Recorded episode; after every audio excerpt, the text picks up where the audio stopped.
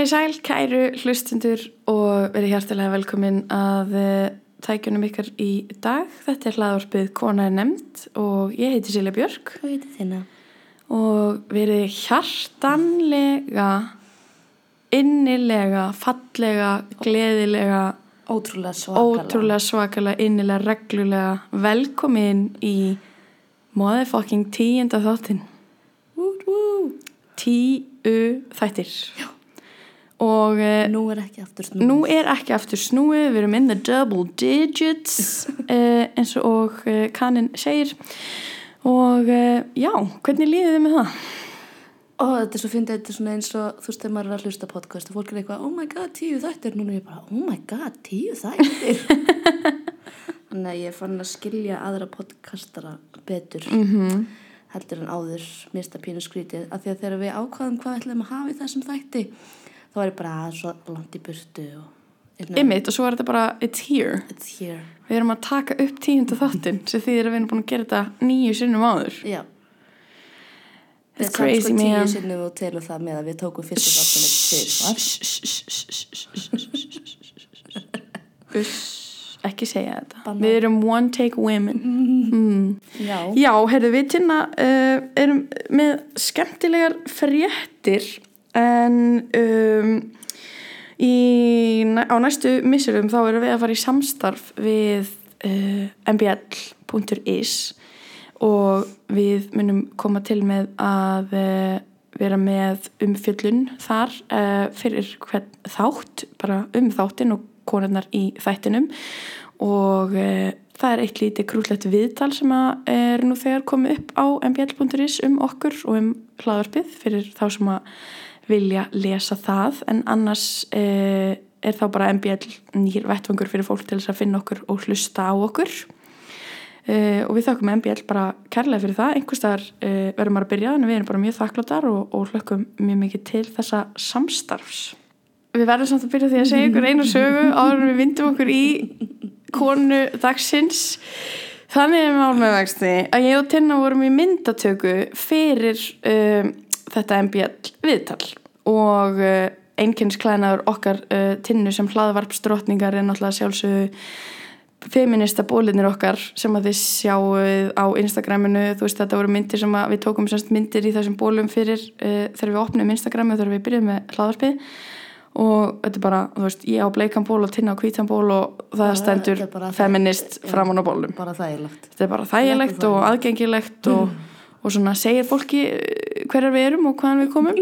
Og þarna sátu við í okkar mestum aðgættum með eitthvað ljósmyndara með okkur í þessum bólum á Kaffi Like þetta er ekki Kaffi Like Jú. Já, í lögadalnum og við vorum ekki að gera neitt. Við vorum legit bara að sitja. við sátum Við bara eitthvað með krosslaða lappirna brosandi skiluru kemur ekki einhver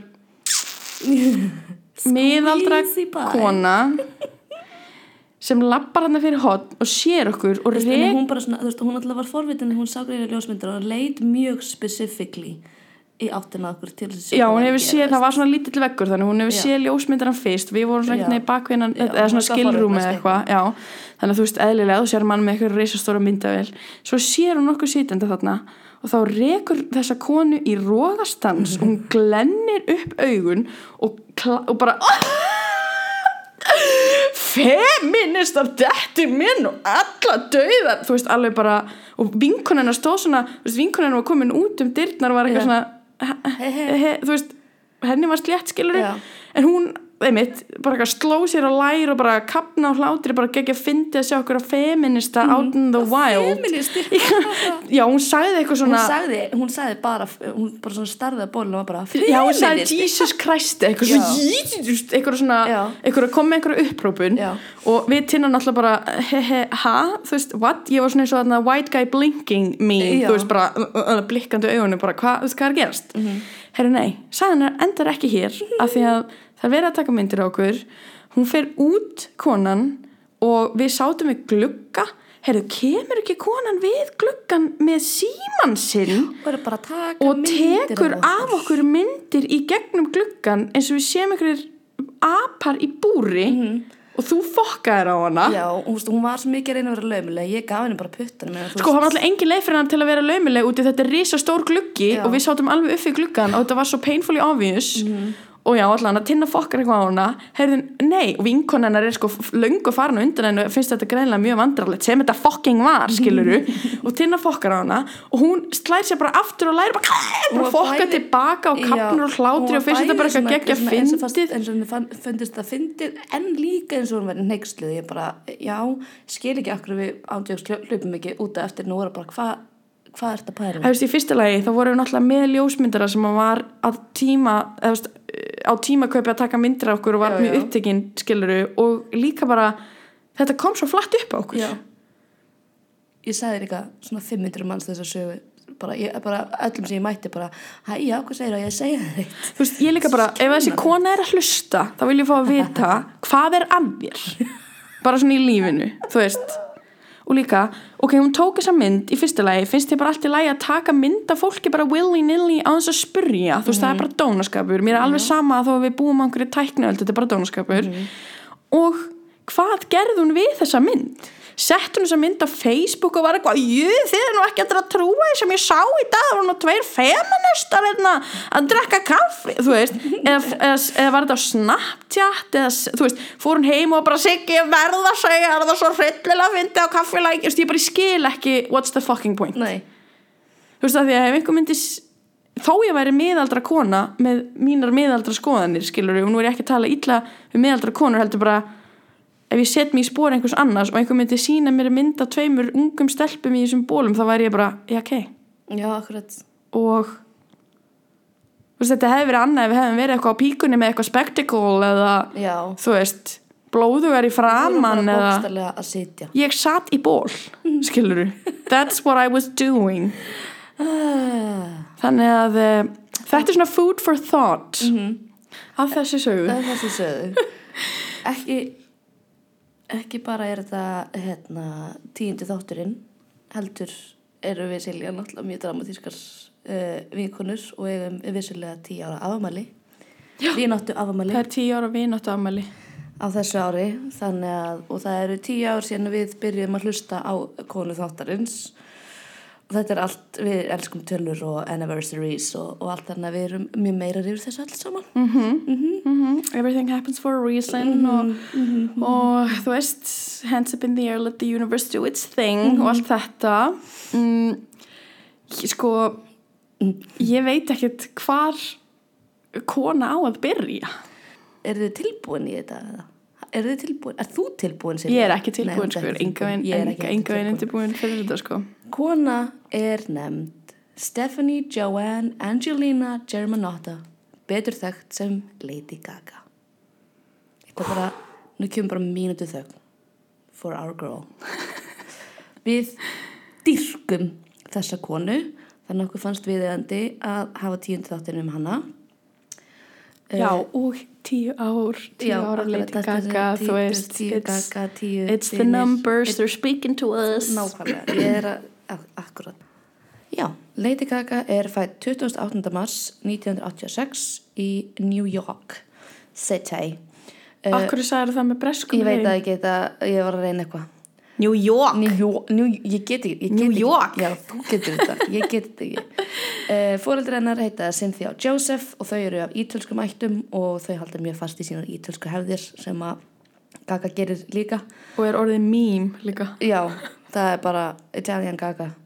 Uh, hún er yngri sýstur sem heitir Natalie og það eru mjög nánar og uh, fun fact þá var Natalie einmitt í telefónmyndbandinu Mhm. sem við tölum um eftir.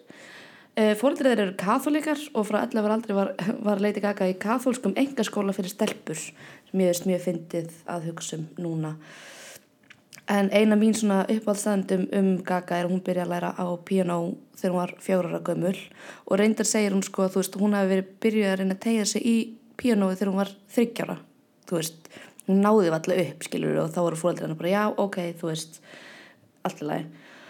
Að hérna þannig að hún hefur mjög gott tón, eira og hún hefur sjálf talað um að þú veist e, það gefist henni bara mjög vel að semja á píanó þú veist, hún var ekkert mjög hrifin af nótum eða neitt, hún bara svona hún, hún spilar bara. Mhm. hún bara, þetta er bara svona henni í blóð borið hún hefur líka sagt sko að uh, þú veist, lag sem það semur er aldrei jafn gott nema útgáfan á píanóið skilur Já. þú veist að öll, öll svona hitt þurfa að vera spilanleg á píanó. Já, akkurat.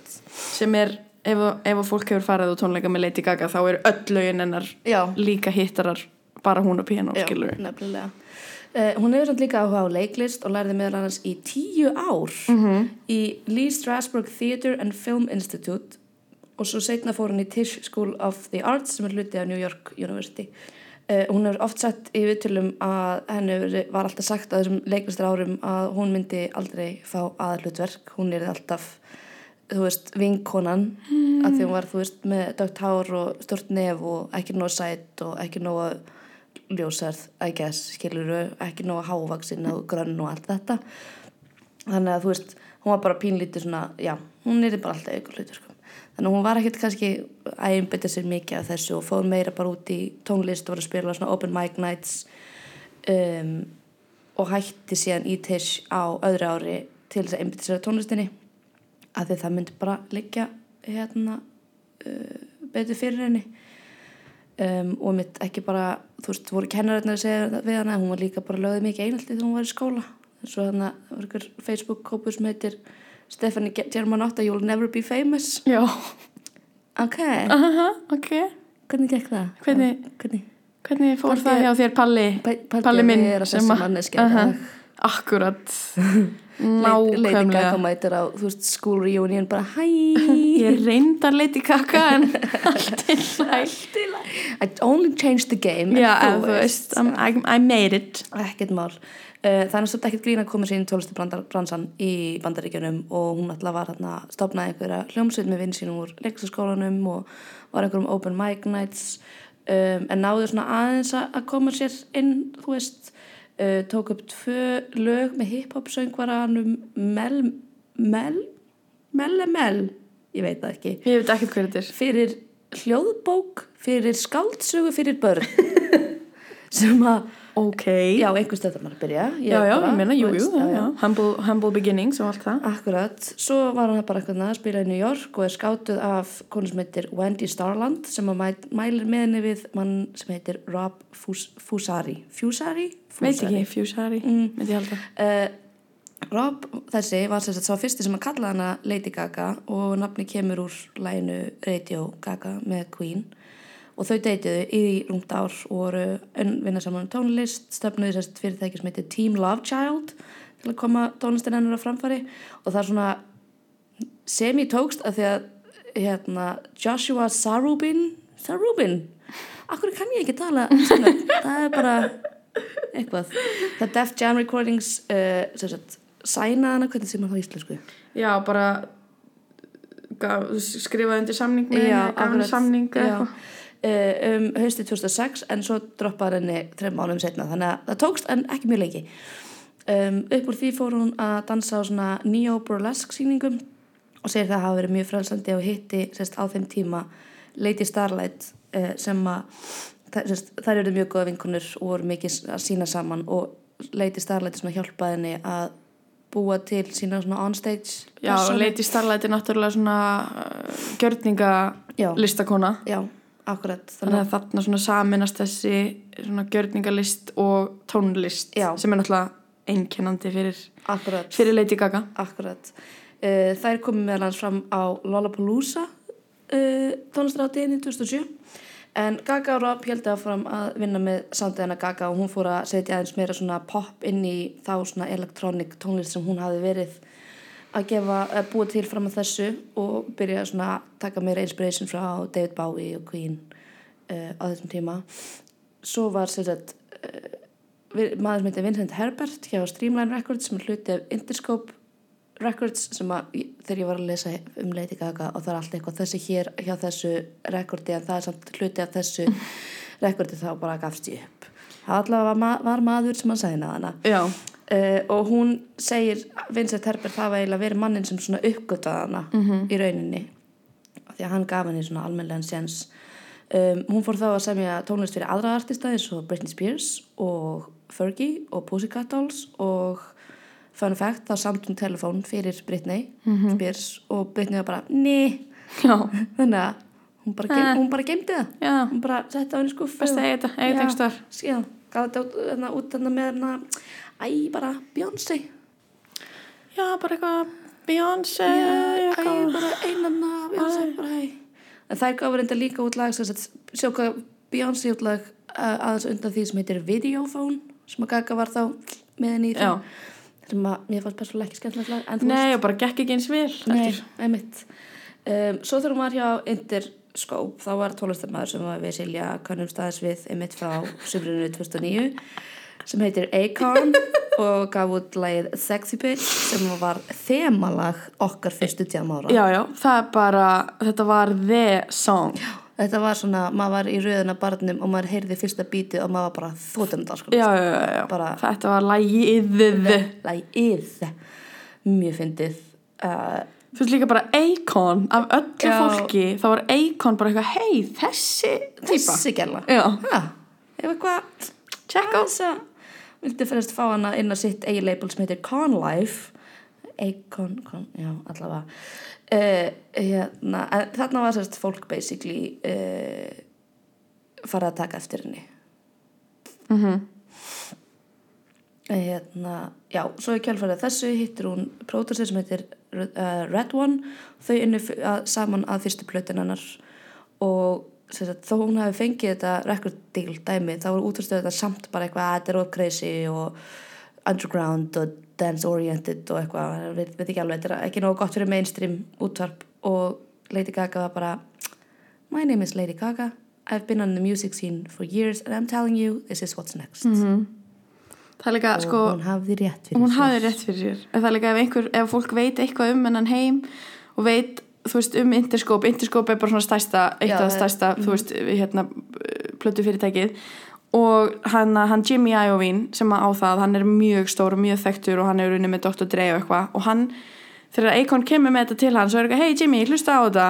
Og þá sagði hann bara, ok, this uh, confuses me highly. I don't understand this. Gefum henni samning. Já, þú veist þannig að, þannig að uh, hann var svona, eða skilur ég er ekkert að gefa ég- eitt kredit en þú veist það var svona fólk sem var eitthvað, "Ok, þetta er ekki að skríti já, roll with it. já, við skulum sjá hvað, hvert það fer. Líka hún hefur náttúrulega alltaf, alltaf verið á undan sinni samtíð, Já. alltaf. Absolutt, algjörlega. Þau, sérst, hún flutti til Los Angeles til þess að hérna, vinna þessari fyrstu plötu og stopna The House of Gaga sem er bara basically svona hva, creative team eða Já, creative og- collective já, þetta er eins og bara The Factory hjá Andy Warhol og svona Já. bara teimi sem að þú setur saman Já. sem að er um þi- þitt svona aesthetic og þitt, þitt brand, skilur Akkurat, svo kom sem sagt fyrsta platan út 18. ágúst 2008 og þá var ekkert aftur snúið hjá minni konu og þegar ég var að skrifa þetta þá var ég, ég bara, ég fekk gæsa húð um allan líkamann ég bara, oh svo bara gaf hún út plötina og núna sjáum hvað hún er í dag. Getið ekki sko. Uh, af þeirri plötu komið sérst Just Dance og Poker Face út sem voru svona fyrstu útgefninglaugin hennar sem við öll þekkjum í dag. Og Poker Face var mest seldi svona single árið 2009 en hann seldist 9,8 miljón sinnum og var í 83 vikur á topplista Billboard Magazine sæl það er rosalega stóra tölur. Þú veist líka að vera bara í 83 vikur. Mm. það er meira en á það er meira en ár. Þú veist það er eitt og halvt ár þar sem að fólk var bara já, Pokerface, er mjög gott lag. Var, það var líka allstaðar það var allstaðar og Just Dance og Pokerface og síðan Love Game og Paparazzi sem komur líka út af uh, sem blötu eru bara svo iconic lög. Þú veist uh, það klára setninguna á þenni fyrir að rambla um það sem ég þarf að rambla um. Svo kom sérst eitt lagi viðbútt út sem heitir hérna, Nothing Else I Can Say sem að mig grunar að færi þekki. Mm. úst, myndbandi var mjög fyndið reyndar en ég held að svona fólk veit eitt alveg Nei og líka bara ekkit, ekki, alls ekki hennar besta lag sko. Nei, alls ekki.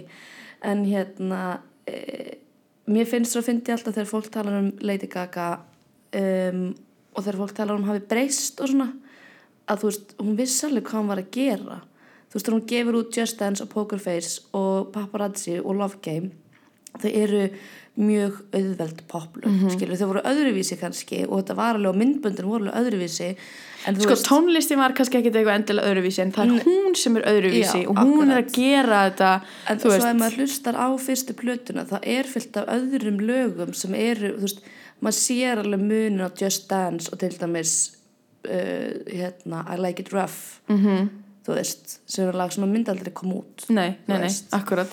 Nei, og líka bara, þú veist, í fyrsta lagi viltu ekki að listamæðurinn þróist og taki breytingum? Þú veist, myndu við vilja núna tíu árum síðar vera að fá þriði útgáðan af Just Dance Akkurat, skiluru, akkurat. og fyrir utan það hvað var Rihanna að gera þegar hún kom? Já, akkurat, þú veist, Destiny's Child Beyoncé er ekki Lemonade Beyoncé? Nei, akkurat. Þannig að, akkurat, bæði náttúrulega eldist fólk og allt það, en mér finnst líka bara já líka og þú veist, þetta er list þetta er þín list, þetta kemur frá þér þú eldist, þú þroskast, heimurinn eldist heimurinn þroskast, mm.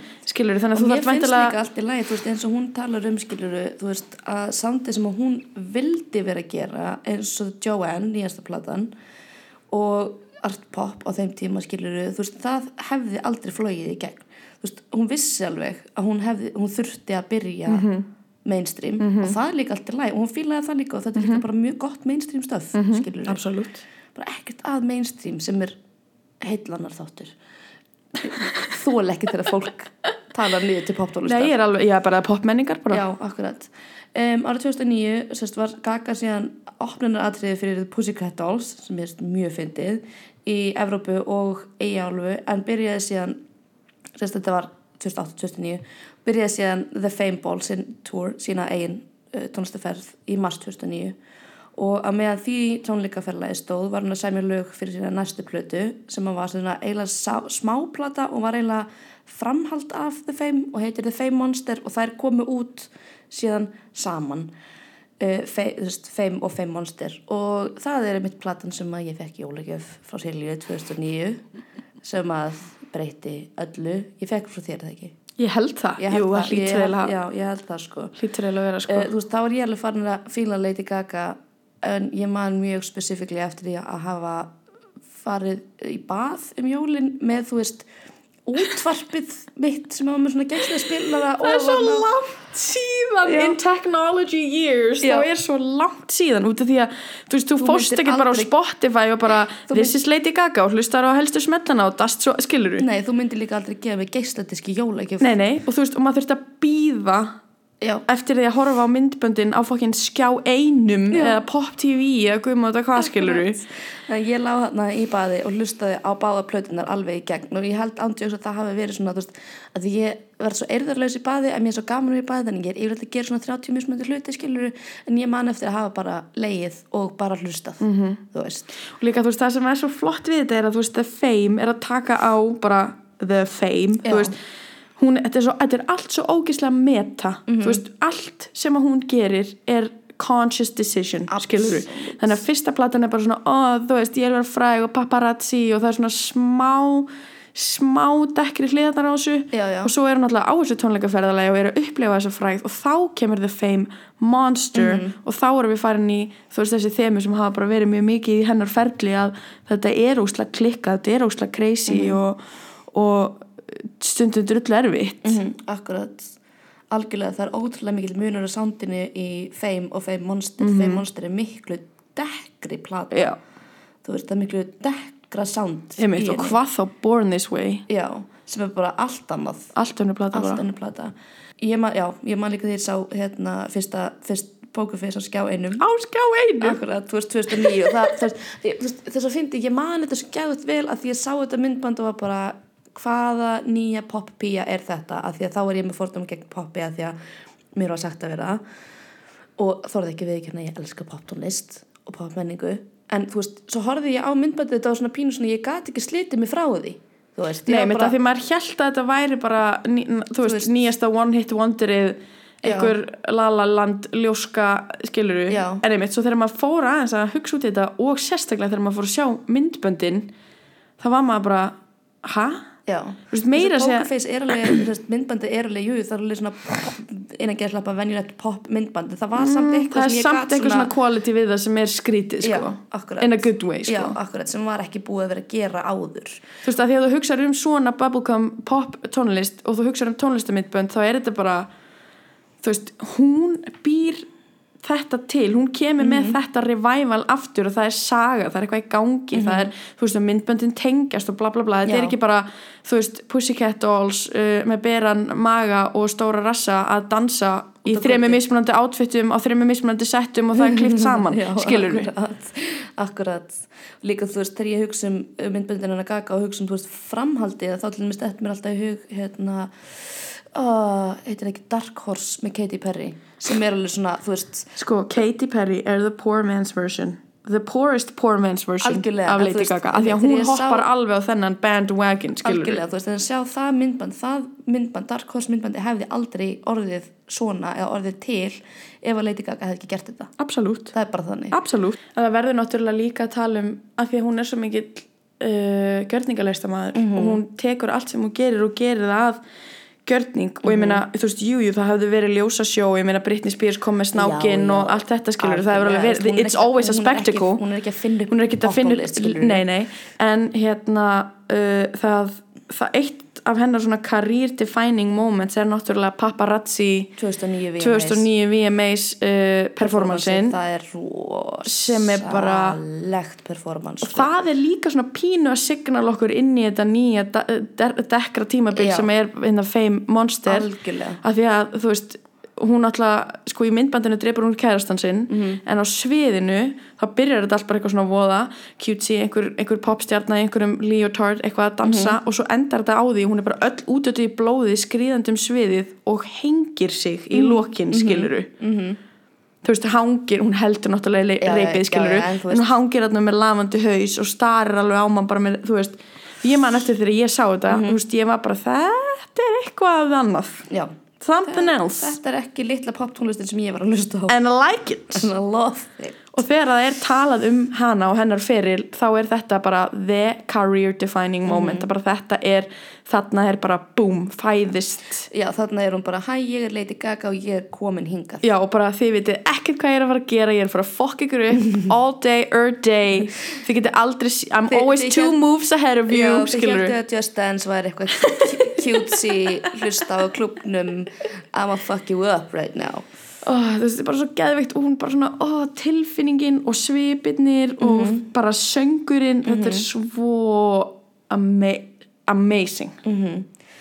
absolutt og hún notar líka svona pínu þú veist, að því hún alltaf lifir í svona tímabilum hún er alltaf að finna sjálf þessu upp á nýtt þú veist, það er The Fame, það er The Fame Monster svo kemur Born This Way, svo kemur Art Pop, Cheek to Cheek, þú veist, það er alltaf með hverju plötu eða hverju tímabili hennar lífi er, veist, það er different, það er, það er önnur, skilur annað aesthetic, Já, það eru búningar, það eru litir það eru lúki gangi, sem er allt náttúrulega 100% viljandi absa. skiluru og er svona veist maður getur séð ef maður þekkir Lady Gaga þá er maður bara já þetta var svona mynd sem að tekin cirka 2012 þessi mynd að tekin cirka þarna cirka þarna skiluru Ég er myndið að horfa á hérna, nokkur af myndböndunum frá The Fame þegar hún var alltaf með, þú veist, toppin alveg ofan í já, augun. já, Þú veist, sem hún hefur ekki verið með bara síðan þá. nei veist, þessi svona bara, alveg þvera klipping svona, já, já, já, Algjörlega, þú veist. og þú veist og öll þessi bara svona generic cutesy pop outfit skiluru Mm en hún notar einmitt, þú veist þessar svona uh, VMAs og MTV og Grammy og svona verðlunaháttir til þess að koma með eitthvað, eitthvað svona statement og til þess að koma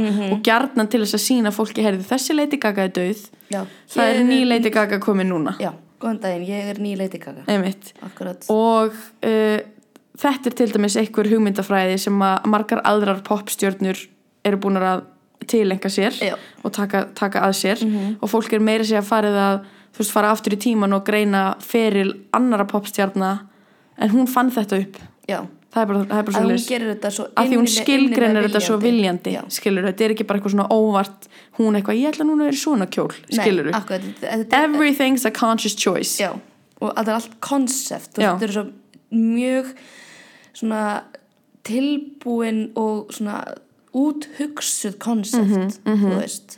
og það þýðir samt ekki þú veist Uh, mér stundir fólk tala um að það hljómi svona eins og hún sé, þú veist, feik skiluru, en það er einmitt það sem þetta er svo innilega, nei, innilega nei, nei, ekki akkurat skiluru, að því hún er, svo, hún er líka svo ótrúlega meðvituð um hvað hún er að gera Mhm. hún er svo meðvituð um bransan, um sögu bransans, um Mhm. list um allt, skilur allt er með einhverja tengingar, allt hefur einhverja dýpri, Mhm. tákfræðilegri merkingar, þú veist, þetta er einmitt ekki bara herðu fyrir þessa plötu er ég að spá ég vera alltaf í bleikum kjól. Já, akkurat. Þú veist, og ef maður hefur eitthvað pælt í þessu, þú veist, hún segir þetta sjálf hún veit þetta alveg sjálf, þetta er hún er með the house of gaga til þess að gera þetta fyrir sig, skilur við, þannig að Uh, já, Bad Romance var sérst fyrsta lagi sem kom út af The Fame Monster og það myndband líka sneri myndbandaheiminum við bara á kvolf og í ringi oft á mörg sinnum. Um, og þú veist, minna, jú, hún hafði alltaf farið út fyrir kassan í öðrum myndböndum og sérstaklega í Paparazzi sem var miklu meiri saga uh, til dæmis, en þú veist, Bad Romance það, er mitt, það eiginlega líka sko síndi munin á Fame og Fame Monster mm -hmm. uh, eran, eranu þannig, Tímabilinu. tímabilinu. Mm, Já, því að Fame er svona cutesy og þú veist, mikka músglerun og svona Mhm. bjartir litir og allt það skiluru og eitthvað svona, ó, ég draf kærastan minn, hehe, skiluru, sem er paparazzi. Já, en svo strax í sko telefón sem er framhald af paparazzi, sérst myndbandið er framhald af paparazzi myndbandinu að þar eru þótt að það sé mjög litstert til dæmis, það var það samt dekkra þú veist, við Já, byrjum það- fangelsi já. og hún er í, í þú veist, svörtum með svona rísastóra svartan Það er allt og öðruvísi svona- litir og allt öðruvísi þemu, Já. en það náttúrulega kemur á eftir Bad Romance. já, já, já, já, já. en ég segi þú veist, að það er framhald af paparazzi Já, já, já, já, sko. já, en Bad Romance svolítið setur svona tónin fyrir The Fame Monster uh, tímabilið já, algjörlega algjörlega og er með uh, sló met, heimsmet ég held, að, ég held sko að sé í Guinness World Records af því að það er með, þetta er mest áhorfða, ó, ókslega ljótt að segja þetta, en það er sérst flestu áhorf, Já. það fengið flest áhorf allra tónlistu myndbanda í sögu internetsins, það er með eina biljón views Já. á YouTube. Ein biljón þú veist líka, er einhver sem hefur ekki séð þetta myndband, held ekki. Nei, akkurat, ég vil samt meina að svona cirka ein miljón af þessu sé ég og önnur miljón sé þú kannski, pluss mínus. Plus mínus. Give or, give or take, give or take. Næsta lag sem kom út uh, eftir Bad Romance var Alejandro sem er mitt uppáhaldslag. Og ég held að það sé bara eiginlega alveg sama hvað þú veist, ég fer alveg gegnum tímabil með uppáhaldslög en það verður alltaf the one fyrir mig. Bara uppáhalds, uppáhaldslægir bara uppáhalds, uppáhalds, uppáhaldslag lagið mitt frá Lady Gaga frá tónlistamanni Ever frá heiminum, frá Guði það er eitthvað vitalega sem ég bara meg ekki uh, og af því að við erum komnar hingað í sögunni þá er best að við förum að, ræða our life changing moment þegar við fórum á fyrstu Lady Gaga tónleikun okkar Shit. 17. desember 2010 í O2 í London talandi um a life defining moment sko. mm. Þú veist, sátum við einhvers staðar lengst aftast bara upp í þakinu á O2 að því við keftum sótýra með það uh, 18 og 20 ára. 18 og 20 ára. Byrjum náttúrulega á því að fá e, vera með eitthvað miðafokk að því ég fekk, þú veist, mína miða og svo einhverja miða frá einhverjum já, honum Håkon? Håkon Nílsen Nílsen eða eitthvað. Þannig að við heldum í smástund að við værum ekki með miða. Já, eitthvað. Við mættum, þú veist, við vorum sko upp í stúku og Já. við mættum samt í O2 Arena í London örgulega svona fjórum tímum fyrr. Mhm. gátum ekki borðað af því við vorum svo stressaðar. Reyndum að drekka einhvern tequila sunrise. Akkur í fokkanum keiftum við okkur tequila sunrise? Því við kunnum ekki að drekka. Kunnum ekki að drekka og hérna, já, vorum bara alltaf stressaðar og einmitt, svo allt í henni þegar við erum að tjekka á miðunum, þá erum við með miðana frá honum hákonni, við þurftum að lappa alla leiðina hinum einn yfir í þú veist, þessi risastóru leikvangur svo fórum við miðasöluna og ég man að, þú veist, gaurin í miðasölunum var eitthvað svona, hm, þetta er nú skrítið er þú ekki hákon? Og við eitthvað, við erum ekki hákon. Og svo tók hann svona miðana í sundur og þá vorum við með, þú veist, okkar miða. Já, tvo af okkar tvo af okkar miðum sem voru okkar miðar. Og auðmingi Hákon var ekki með sína miða því við vorum með hans miða. Já, og ég man að við tókum báðar bara svona með þetta ákvörðunum að láta bara miðasölumannin díla við þetta á 20 mínútur í að dyrnar opnuðu já, en ég er ennþá að hugsa um hann Hákon Já. í dag Mm. og um aðilann sem að fór með Hákonni á tónleikana Mm. og svo hugsa ég líka oft þú veist, hefðu við kannski bara átt að taka sætinans Hákons, mér minnir að það hefði verið á sko gólfinu eða Já. það var allavega betri sæti, við náttúrulega vorum það voru þrjár sætiraðir fyrir, fyrir ofan okkur, við vorum in the bleachers Já. skilur við, Absolutt. Lady Gaga var bara svona þú veist, er bara sandkorn. Mhm. og maður gæti að mannst eftir gömlu konunum sem komu og voru í svona pels með perlufestar og rauðvínsglöðs, bara eitthvað rífullotna konur, bara já, skemmt okkur þetta Lady Gaga. Ég, er samt, ég þú veist, svo mannstu þegar, mannstu þegar ljósin slöknu já, og ég man þegar taktarnir úr Dance in the Dark byrjuðu sem eru ég náttúrulega fæ sko gæs ég veit það. Iconic taktar og þú veist, ég, þú veist ég, fe, ég, ég fer aftur í tilfinninguna og bara lyktina og fólki og hljóðin og bara Líka sko, þetta var í fyrsta sinn sem við vorum að fara á svona stóra, stóra tónleika. Já. Ég hafði ekki farið á neina á þessum tónleikum minna heima og er náttúrulega ekki sambærilegt skiluru. En síðan, þú veist, allar götu síðan sem ég hef farið og ég farið í O2 skiluru, fa- þegar ég fer á svona tónleika, samt er þetta moment, þú veist, þú ert búin að sitja og býða og það er einhverja auðlýsingar í gangi og það er kliður í fólkinu og það er allt flóðulýst þegar ljósin slökna og það kemur þessi þögn, þessi kannski þryggja mínútna þögn áður en að tónlistin byrjar, þetta er bara þetta er ólýsanleg tilfinning. Ég, var bara, ég, ég var ekki að höndla mig sko. Nei, og talandi um að höndla sig ekki þegar Alejandro var spilað á þessum tónleikum ég legit man það ekki. Og við drukkum bara þennan eina koktel skilur við drukkum hann ekki einu sinni allan. Nei, akkurat, þú veist, við vorum líka svo mikið að passa okkur þurfa ekki að fara klostið Já. þú veist, það var ekki eitthvað svona "Ó, hún var full eða með og þreytt eða eitthvað. Nei, ég bara fór bara í eitthvað trans og ég bara legit man ekki eftir þessu. Nei. og eins og ég er sko ekki mikill aðdæmd þess að fólk taki upp tónleika en ég er mjög þakklátt fyrir stelpunum sem tóku upp alla þessa tónleika og setti það á YouTube. Þannig ég hef fundið Já, tónleikana sem við vorum actually á já, sem við vorum actually á, þess bara okkar dag. Um, setti það á YouTube þannig ég hef, búin að hor, ég hef oft hort á þetta performance Mhm. á YouTube og það er, e, það er ekkert heilina mér tengir bara ekki. Þú veist, heilina mér fór bara yfirum Mhm. ég fór bara yfirum þegar hún spilaði þetta lag. Ég veist, ég grenjaði svo mikið þegar hún tók, þegar hún tók Monster, þegar hún tók Speechless þegar hún tók Fucking You and I með lappitar upp á píanónu þú veist, ég bara, I cannot deal. Nei. cannot fucking deal with it. Og ræðan sem hún er með þú veist, bara googlið þetta bara The Fame, hérna, Mo- Monster Ball Tour speech, Lady Gaga speech þú veist, hún var þetta er svona equality ræða þetta er leading up to uh, Born This Way og það, það tímabil og þetta er bara gorgeous og ég man svo mikið þegar maður bara þú ert you're born this way bara þú veist þú átt að vera svona og bara þú veist þið eru öll svo falleg og þið eru öll þú veist me- me- merkileg og mikilvæg og ég bara ég, ég grenjaði, ég grenjaði og ég grenjaði og ég grenjaði og ég bara já, ég er fætt svona. Algjörlega enda, enda hvað var það fyrsta sem hún gerði þegar þú komist heim nánast? Já, ég, svo, akkurat, svo kom ég heim og fekk mér fyrsta tattooið mitt sem er einmitt á úliðinum á mér Born This Way Hún segir í þessari ræðu líka þess að því að tónleikarnir voru teknir upp á Madison Square Garden voru gefnir út á DFT og hún segir, og hún hefur oft sagt þetta að hún, þú veist, bjó hann í New York hún er alveg upp í New York og hún var uh, sem lítil stelpa gekk hún hann framhjá og sá öll nöfnin þú veist, á skiltinu, ljósaskiltinu og dreymdi alltaf um að hún myndi einn daginn labba þarna að og sjá sitt eigið nafn í ljósum og svo seldi hún upp fimm fulla fimm, Madison Square Garden. Fimm. Og við erum að tala um að þetta er tveimur árum eftir að uh, fyrsta hennar kemur út. Þú veist, hún bara sprakk. Líka Madison Square Garden er, er ekki þú veist ekki lítið. og það er líka sko, það var tekið upp í mannkjökort að ég held að sé á þessum DFT-diski uh, þú veist var að vera að sína svona behind the scenes og, og svona behind the stage og eitthvað og það er sér satt skot af því þegar hún er að keira af Madison Square Garden og hún sér í fyrsta skipti Lady Gaga sold out og fer bara hágráta. Já, which is so beautiful ég er að fara að hágráta bara á við það. getum þetta ekki þetta er ekki hægt. Too much. Það er kringum þennan tíma líka hana 2009-2010 sem að hún verður bara veist, þetta alþekta nafn, hún var allstar framan á öllu þú veist, allt í öllu.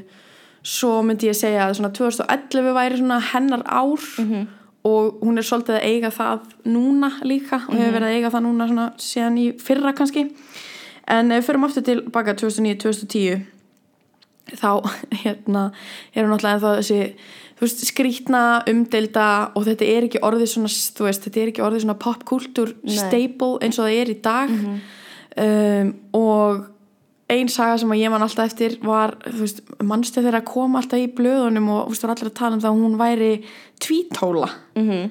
þú veist, að hún væri eitthvað Lady Gaga has a penis þú Já. veist, eitthvað svona, þetta er örgulega um það bíl skrítnasta slúður saga sem ég hef heyrt um nokkuð Akkurat. einstakling. og þetta er svo ógæðislega problematic Og fordómafullt. ótrúlega margan hátt af því ég man- líka þegar þetta kom að þú veist aðdæðundarinn voru gæðið mikið eitthvað svona, nei hún er það sko alls ekki og svo þú veist, svona því meira sem maður lærir því meira er maður bara, en ég menna hvað hún væri intersex, að hermar, hermar hermaphrodite hermaphrodite eru í rauninni slurs yfir Já, eru- þetta er óyrði, skilur það er það sem þetta er. Að því að þú veist, já, tvítóla þetta er viðbjóður. Er að Já, þú veist, og hvaða máli skiptir það? Já, hvað ef hún er það bara? Who gives a fuck? Einmitt, og málið er, ég veit líka alveg að þú veist, ef hún væri intersex þá hefði hún verið bara, já Eh, akkurat er það, akkurat. skilurðu? en það var ekki verið að segja það. Nei, en það var það verið að segja hún er með tippi Já. skilur þú veist, það væri, væri, veist, deformed somehow, veist, það var verið að nota þetta gegn já, henni sem- sem væri eitthvað svona ógeðslegt og skítugt og þú veist. Það sem ég fannst best er að þú veist hún bara hlusta ekkert á þetta. Eða veist, hún var bara, hún sagði aldrei neitt. Nei, hún kom aldrei, nei, aldrei. Henni var bara, henni var drull já, hún hefði minnst á þetta svona svona sporadically, þú veist, svona Já, hist og hér þegar hún er spurð út í bara, þú veist specifically Já, eða þegar hún er spurð út í bara svona hvað er það skrítnast eða fyrðulegast Mhm. eða óþægilegast og hún er eitthvað, já, ég meina fólk hún alltaf að segja að ég væri með tippi, skilur bla bla bla þú Mhm. veist, akkurat, og þegar hún hefur verið að tala um að hafa verið lögð í einelti og þú veist, líkams ímynd og allt þetta sem hún Mhm. kemur inn á síðar þú veist, eftir Born This Way, mikið artpop eh, á artpop tímabilinu Mhm.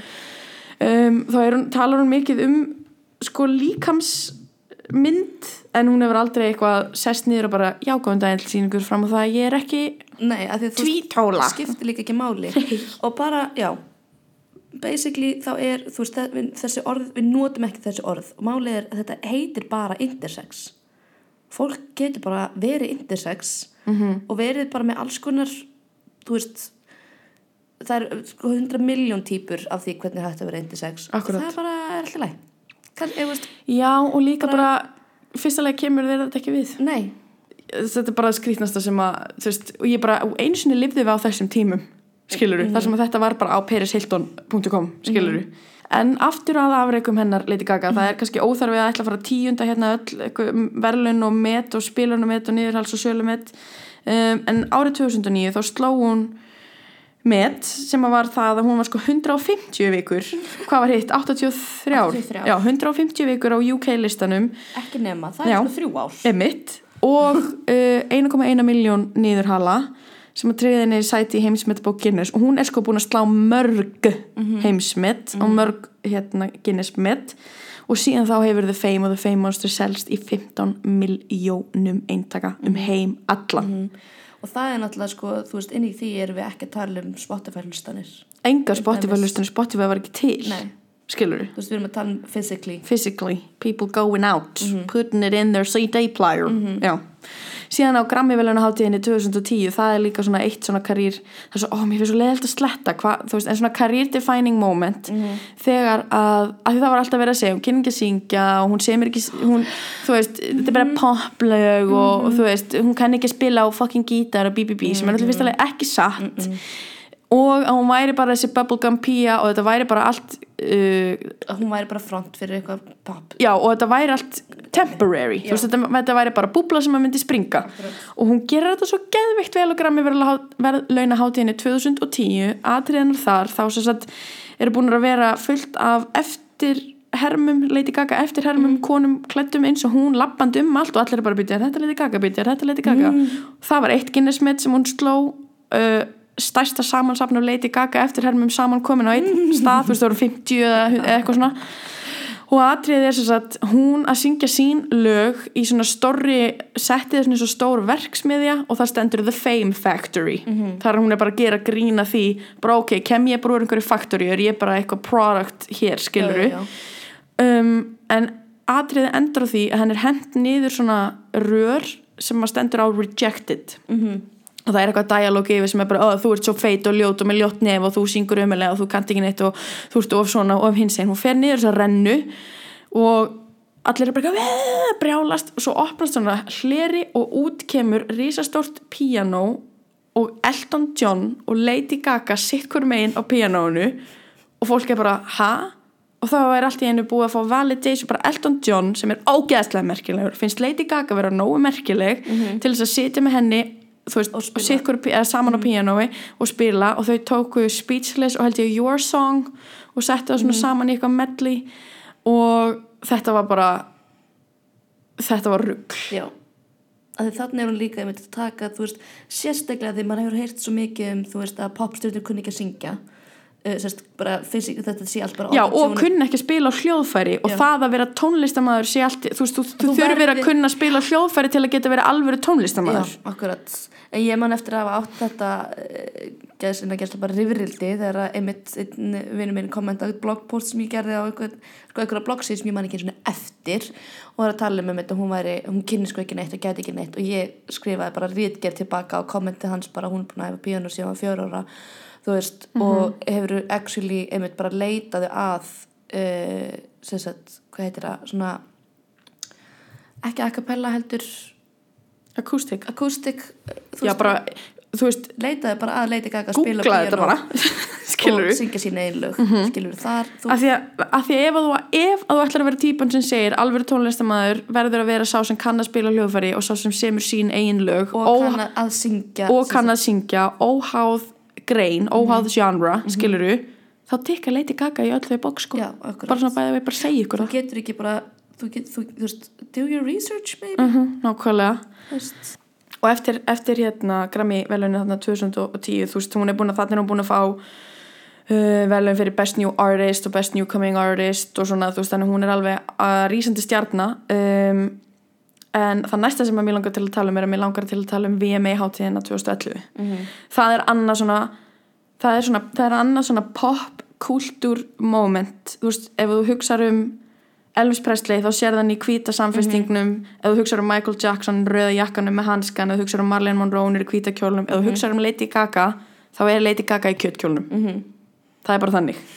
Og VMA's uh, Video Music Awards hérna, MTV 2011 var sér satt uh, svo hátíð þar sem hún var í þessum kjól. Og hún var samt í alveg fjórum held ég, þreymur eða fjórum mismunandi átfittum, hún kom í Alexander McQueen kjól uh, og hann að skónum, æskrítnu sem er og hófur eða þannig kom í honum uh, og á VMS 2011 þá fær hún sko flesta tilnefningar á, á því árinu og fekk tvær viðurkenningar fyrir myndband ársins sem var Bad Romance og hún er fyrsta konan sem hlýtur þann heiður að fá sérst tvö verðlun fyrir besta myndbandi um, og þar sem hún notar svona hátíðir sem eitthvað statement, veist, eins og þetta bara bæði og ég er samt syngja með Elton John þannig að, skilur þá var VMAs 2011 uh, það sem að skilur að The Fame Monster uh, tímabilið og byrjar Born This Way. Já.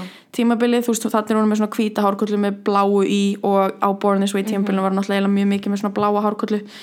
Um, og þetta er náttúrulega eftir paparazzi performancein 2009 og þegar hún er að taka á móti verðlunum fyrir besta myndbandið þá er sér að uh, veita verðlunin og segir Lady Gaga vann fyrir Bad Romance. Og hún kemur labbandi upp á svið í kjól gerðum úr bara alvöru nautakjöti hún er, með, hún er í kjól, hún er í skóm hún er með tösku, hún er með eitthvað svona lítinn hatt allt úr bara flank steak nautakjöti og þegar hún kemur upp á svið og tekur á móti verðlunum þá réttir hún sér uh, kjötveskið sitt og sagði I never thought I'd be asking Cher to hold my meat purse. Og allir, allir sprukk úr uh, hlátri. Og hún var áfram í þessum kjól út hátíðina og uh, uh, Ellen DeGeneres hafði veitt henni önnu velun svo var Ellen DeGeneres með eitthvað svona viðtöl eftir hátíðina og hún er náttúrulega Ellen sjálf uh, yfirlýstur veganisti og dýravenduna sinni og hún hefur sagt að henni hefur þótt þetta mjög óþægilegt. En hugsaði svo, þú veist, hvað er þetta samt öðruvísi heldur en ef ég var að taka viðtöl með eitthvað sem væri allur íklættur leðri? Og Lady Gaga sagði það alveg sérstaklega að þetta er ekki eitthvað andvegan protest.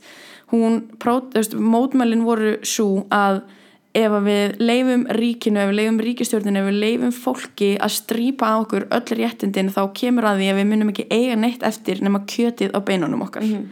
Og á þessu tímabili var hún mjög mikið að mótmæla don't ask, don't tell löggjöfinni í bandarinska hernum þar sem að þú svo satt mátt ekki sinna herþjónustu ef þú ert samkynniður eða trans eða hinsinn á einhvern hátt. Og það var í rauninni það sem hún var að mótmæla. Já. Uh, og kjóllin hefur síðan uh, verið varðum veittur og það hefur alveg verið, hún talaði alveg um það bara svona, já, undir lók kvöldsins þá var ég farin að lykta frekar illa undir öllum þessum ljósum og, og svo var kjólinn að fara með kjólinn ykkur að fristi geimslu og þú veist, það var komið drep í hann og það er búið að taka nokkra nokkra steikur af. En allavega nú er sérst búið að frost þurka kjólinn, þannig að hann er orðið bara basically bara svona beef jerky.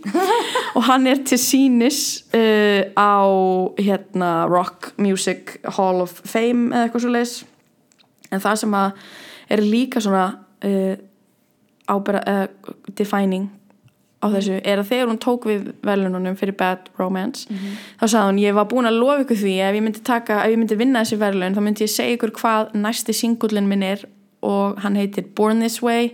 Og hún söng viðlægið bara a cappella. Í mikrofónin, nýbúin að taka mót einhverjum velunum, þú veist, röddinn titrandi og það svoleiðis gjössamlega ætlaði allt um koll að keira Nei, ég man eftir þessu.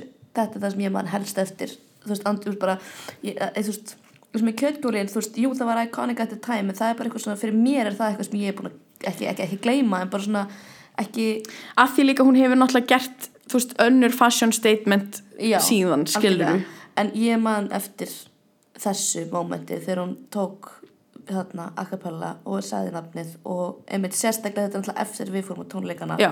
eftir þú ert komið með þetta Já. tattoo skilur já, bilast þetta er rugl sko um, og ég sko, ef að Alejandro er uppáhaldslægið þitt þá er Born This Way uppáhaldslægið mitt. Ef að mér líður illa, ef ég er stressuð ef ég er að fara að gera eitthvað sem er stressandi, ef ég er að fara að tala fyrir framann fólk eða ef ég er að fara á erfiðan fund eða veist, ef ég bara þarf bara svona general life pep í mitt líf þá hlusta ég á þetta lag á sko continuous loop for hours.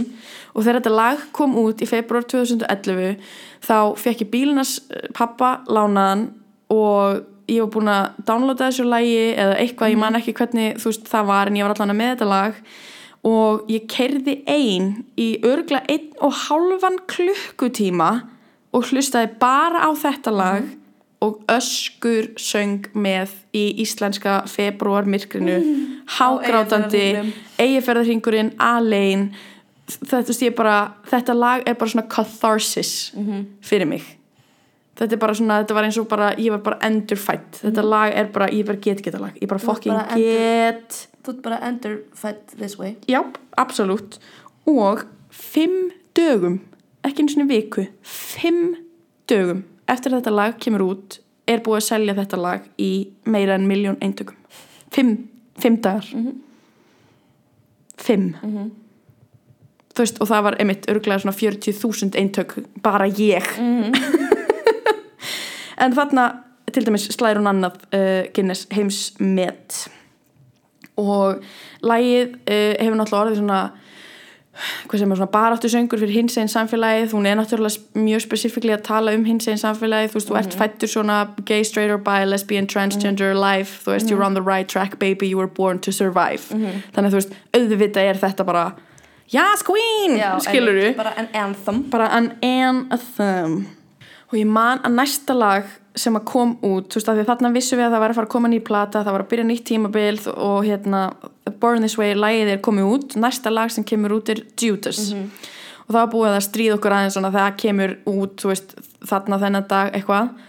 Og þetta er svona ímynd þess hvað hlutinir eru búin að breytast mikið, ég satt með einhverja, einhver fartölvu einhvers annars, af því ég átti ekki fartölvu í kvosin í mentaskólanum á Akureyri og refreshaði YouTube af því það var búið að segja við mig klukkan þetta þennan dag kemur myndbandið á já. netið. Og það var lyric, það var- Já. texta, texta myndband Já, já, já. Uh, og ég setti hernatólinn í og það var hátegismatur og allir voru bara eitthvað að gera eitthvað annað og ég hlustaði á þetta lag og ég var bara, nenni, öll að fara. I need a moment. Þetta lag er bull þetta lag er rugl og fucking bull. Ég átti þetta veist, Ég átti svolítið svona mitt moment á Bornisvei plötinu var þetta lag. Judas, Já. já, það, þú veist, dýrka Bornisvei sem lag og koncept og myndband og allt skiluru en ég mitt tengdi ekki við það eins og þú tengdi við það Mhm. en Judas var, þú veist, svona myndbandið og soundið sem ég tengdi við á þessari plötu ég líka, þú veist ástæðan fyrir því að ég tengdi svona mikið við borðinsvegi var út að ég var persónulega að eiga mjög erfitt, ég var mjög þunglind Algjörlega. átti mjög erfitt með mig og mína ímynd þannig að ég var bara, þú veist, já, ég er fætt svona, skilur en Judas er náttúrulega líka styrlað styrlað lag og mér er svo flott hvernig hún tekur sinn svona ótrúlega íhaldsama kathólska bakgrunn og sína þekkingu á hlutunum og kemur þið inn í þetta veist, því þetta, þetta er ekki guðlast skilur, er bara, hún er, hún er bara að nota þessa myndlíkingu, bara ég er ástfangin af Júdasi, ég er ástfangin af þeim sem svíkur mig. Þú veist, ég er ástfangin af því slæma því vonda, þetta náttúrulega spilar inn í bad romance og allt þetta. Akkurat. og myndbandið er náttúrulega bara góð sagna kenya, það er svo fokkin geðvikt. gott sko. og ég gleymi því aldrei þegar ég heyrði setninguna fyrst uh, I've learned love is like a brick you can build a house or sink a dead body Já. og ég var bara já, that hits home Já. for me personally me being 19 years old Akkurat. Næsta lag sem að kemur út er Edge of Glory og mér langar bara að tala aðeins um það vegna þess að það er rosalega mikið svona pop anthem, þú veist þetta er bara I'm on the end, þú veist þetta er bara danslag skiluru, Það er mjög, það er rosalega happy. Það er rosalega hami rosalega happy fyrir líka þessa plötu. já, það er mjög svona cheery og happy og þetta er bara svona, þetta gæti virst vera bara, þú veist, cookie cutter your run of the mill, bara eitthvað svona pop þú veist, æ, já, setjum þetta bara með. Já, já, já. Uh, en myndbandi þegar myndbandi kemur út þá voru allir bara byttun og við, byttun og við af því að þetta er bara hún í einum búning að dansa á einu setti sem er rosalega óleiti gagalegt. Hún er spurð út í þetta og spurð út í hvað lagið, úst, um hvað lagið er og hvað því er lagið og hún segir í einu viðtali ég samdi þetta lag um afa minn.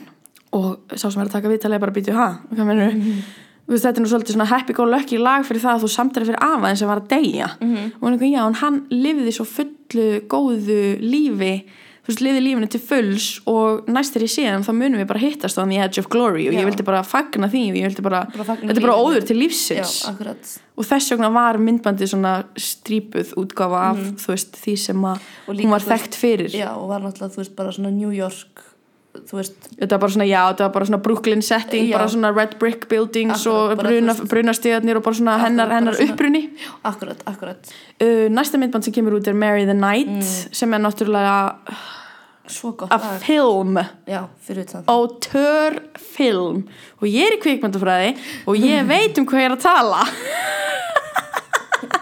en hérna Mary the Night er sko 13 mínútur og uh, er ótrúlega, ótrúlega mikið konsept, þú veist hún byrjar hérna á einhverjum hérna geðspítala Akkurat, já, og það er, svo segir hjúgrunafræðingurum við hann að þú veist að það, það má ekki vera neitt intimacy í næstu tvær vikur, þú mátt ekki, þú veist uh, já, can't be intimate with anyone, við veitum öll hvað það þýðir. Já, já.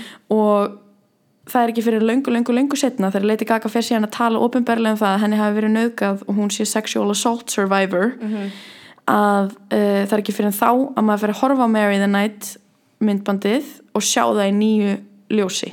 Þetta er augljóslega kona sem er í miklum sársauka og hvort sem að það er akkurat Lady Gaga í veist alvörunni á þessum tíma eða hvort hún er bara sína gamla útgáfu af sér í þessu myndbandi skiluru en þetta er augljóslega kona sem að sem að er, er í miklum sársöka og þarf að díla við mikið og myndbandi byrja með svarta hárkollu og svo setna í myndbandinu þá er hún með hennan svona era defining myndu græna lit sem hún var alltaf með í hárinu á Born This Way tímabilinu þar sem hún er að setja það í hárið og þetta er bara sko þetta myndbandi er bara visual experience og það er ótrúlega fallegt og þar líka, hún leikst þessi myndbandi hún skrifaði myndbandið, hún leikur í því og þarna fáum við svona smjör þefin af því hvað hún er góð leikona ekkert smá. Nefnilega að þau í allir myndböndunum á undan þú veist, þau, þau voru ekkert sko kannski leiklistarlega uh, challenging skiluru, þú veist þessi telefón eða paparazzi eitthvað, þú veist, bara það er það er bara, það er bara svona venjulegt. Já, það er bara svona tónlistar myndbanda leiklist, einmitt, einmitt, akkurat. Það sem að var einkennandi fyrir uh, Born This Way tímabilið er, er sko líka þessi hugmyndum að þú veist endurfæðast og fæðast upp á nýtt og, og þú veist svolítið taka þitt pláss einhvern veginn og taka þitt tráma, þetta er rosalega mikið tráma á þessari plötu. Hún er mikið að vísa í þessa nauðgun og þetta ofbeldi sem hún hefur orðið fyrir og þú veist, já, bara mjög er mikið af hérna hvað segir maður, prosthetics. Þú veist, hún var æskilur með eitthvað svona skrítnan axlir og skríti. Mhm. andlit og svona, þú veist, þannig að þetta er ég veit ekki, það er svo mikið feluleikur og eins og ég segi, það er óslega mikið tráma og sérstaklega þegar maður lærir, þú veist, þegar hún fór að tala ofinberlega um þessa hluti þá fer maður að sjá plötuna í allt öðru ljósi um, á þessum tíma líka þá uh, kom fyrsta ylvatnið hennar út eitt sem ég vissi ekki er að ylvatnið breytir um lit frá flösku og þegar þú spreyjar því á þig af því að það er svart á litin sko. Já, en þegar þú spreyjar því á þig verður það uh, ekki svart, eða skilur glært eða eitthvað. Og í einhverju blaði var þetta kallað The most exciting revolution in the fragrance industry for the past hundred years. Lady Gaga ákvað bara eitthvað, heyrðu, ég vil hafa þetta svart en þegar þú spreyjar svo vil ég hafa þetta glært. vantilega ekki verið með svart ylvat eða þú veist. Ef vilt ekki spreyja á því svörtu Nei, skilur akkurat. þannig að hérna hún fann það upp. Einhvern veginn og það er síðan uh, þarna sem við fyrir á tónleikanúmer 2 Og sko, ok við það var eitthvað september annars, annars september 2012, 2012. í Kaupmannahöfn.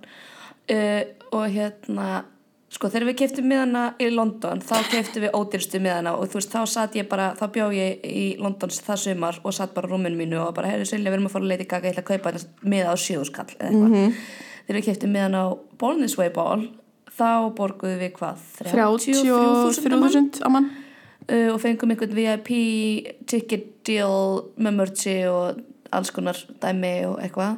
Já, priority access og eitthvað. Já, og við vorum númer held ég 6 og 6 7 og 7 til þess að labba inn á, bara inn í, Inn í parkinn, bara já. inn í parkinn. Bara það var bara, jæja, nú eru dyrnar að opnast þessi hérröð, standið þið upp þið eruð að fara inn núna. Ég enda mættu við líka klukkan 8 um morgunin eða Já, eitthvað. akkurat, en ég held samt að þú veist þessi með að því að svið, þú veist það var svið og svo var svona catwalk í hálfring og inn í catwalkinu var sagt, The Monster Pit sem var eitthvað annað VIP sagt, dæmi. Það var meet and greet Já, og svona. akkurat og þú veist þannig að við vorum fremstar við catwalkið, ég held að basically öll línan sem sagt í kringum catwalkið hafi verið uh, okkar VIP experience, en já. af því að við vorum svona snemma inn, Já. þá vorum við bókstaflega fyrir miðju Já.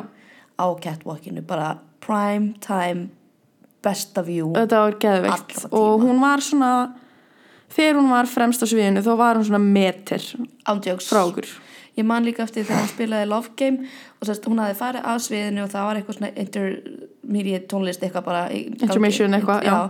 og svo sá, leiti ég upp á sviði á catwalkinu og sá einhver svona gatta standa upp og sem ég hafði ekki tekið eftir áður. Ég eitthvað, ha, nýtt sett, svo svona horfði ég aðeins lengur bara, þetta er hausin á henni. Og ég man samt eftir, ég sagði bara ég held að þetta sé Lady Gaga. Og þú bara nei. Og ég bara, jú, hún er að fara að koma upp úr þessu sviði, hún, þetta er hún, hún er þarna. Og þá erum við að tala um að hún er basically beint fyrir framan okkur. Poppar upp og bara, já, syngur eiginlega all, allt love game fyrir framann okkur. Já, og hún horfði beint í augun okkur og brosti. Já. Ég get ekki andað sko. Ég man samt eftir Alejandro í þetta skipti. ég held líka ég hef verið svo gæðvett meðvituð um það að bara ég ætla ég að muna ætla þetta. að muna eftir þessu. Já, um, og það er á þessum það er á Born This Way túrnum þegar hún er búið með Evropatúrin, hún fer yfir til Bandaríkjana og yfir til Kanada og uh, hún er að spila í Montreal held að þetta sé uh, þetta er annarkvort seint 2011 eða snemma 2013 Mhm. að hún 2000, seint- nei 2012, Já, ég- 2013 ég, ég, ég bara þú slepptir þér á. Nei, já, þetta þetta er annarkvort seint 2012 eða snemma 2013 Já. hún er að taka sjæsi í Montreal og það gerist eitthvað, það er til myndbandið af þessu og það gerist eitthvað og það heyrist bara svona smellur og hún, ég held hún hafi slitið liðband eða sleit eitthvað vöðva eða eitthvað eitthvað í mjöðminn á sér og hún bara öskrar í mikrofónin, hún dettur framann á sviðið, ber í sviðið skiluru og eftir þetta þurfti hún að hætta við alveg örgulega tíu tónleika eða eitthvað Mhm. af því að hún bara sleit eitthvað vöðva, ég man ekki alveg hvað var Já. og það sem eftir var af bara árinu þurfti hún að vera keirð um í hjólastólu því hún gæti ekki gengið. Mér er svo illt í meðmannum akkurat núna. Þetta er náttúrulega bara, þú veist, og að horfa á þetta myndband öskrið, þetta er bara svo líkamlegt öskur. Hún er, hún, þú veist, þetta er, svo, þetta er ógeðslegt eiginlega, eða skilur, þetta er bara svona, bara- þetta er bara fyrir inn á bein, já, þú veist. ekki sko. Þannig að það var svolítið skrítið tímabil líka því að þú veist, hún gat ekki gert neitt Nei, og hún akkurat. þurfti að hætta við og það, það kemur svona smá lægð í mm ferilinn. Náttúrulega, hún þarf náttúrulega líka og hún þurfti, þurfti bara lægð í ferilinn, skiluru um, og þarna bætir hún líka smá á sig, skiljanlega getur ekki gengið og er ekki að gera það sama hún er búin að vera að gera og auðvitað örgulega bara líður ylli við því að vera búin að meiða sig og hún líka vissi ekki hvort hún getur nokkuð tíma að gengið aftur Já, eða hvort hún getur nokkuð tíma að dansað Já. af því að allir sem að vita eitthvað vita það að hún syngur öll einn sín live hún dansar allan tíman, þú veist þetta er sjó.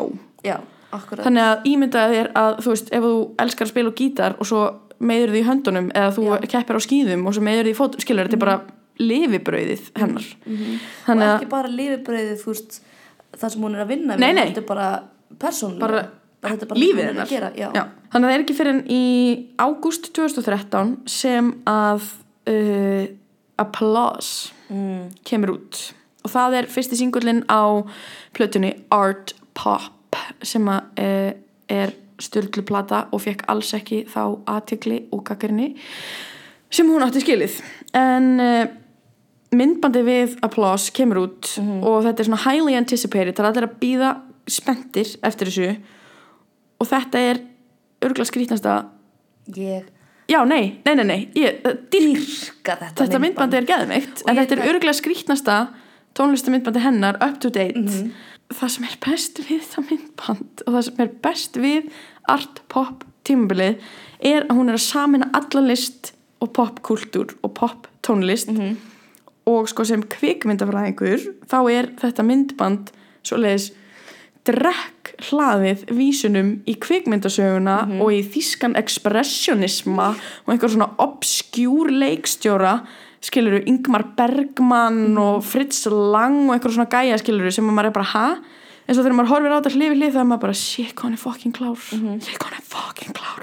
Hún er búin að vera í sér lag hún er búin að vera úr sviðsljósinu hún er búin að líða illa svo kemur hún með lag þar sem hún er bara ég sakna þess þegar þið klappi fyrir mér Mhm. og ég vil að þið klappi fyrir mér. Og ég lifi fyrir það að þið klappi fyrir mér. Og þetta er hún líka bara að viðurkenna bara ég er aðtiklisjúk, ég þarf á þess að halda þið gefið mér, lífið mitt er að þið elskið mig og klappi fyrir mér og segið mér að ég sé að standa mig vel. Akkurat, þú veist bara njótið listarinn sem ég er að gera skilurðu. akkurat, akkurat. Og um, var það ekki líka samt á hérna, á Monsterball túrnum þar sem hún sagði uh, þú veist, man ekki hvað hann var fara að spila hún lagaðist eitthvað niður og sagði "Ég er- I'm like Tinkerbell if you don't clap I'll die. Já, jú, það, jú, Já.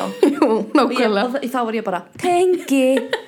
Tónleika ferðalagi fyrir uh, artpop uh, er glæsilegt og ég sé rosalega eftir ef við hefum ekki farið. Ótrúlega mikið sko. á þá tónleika en það bara ekki tími, fyrir, tími og staðar fyrir það.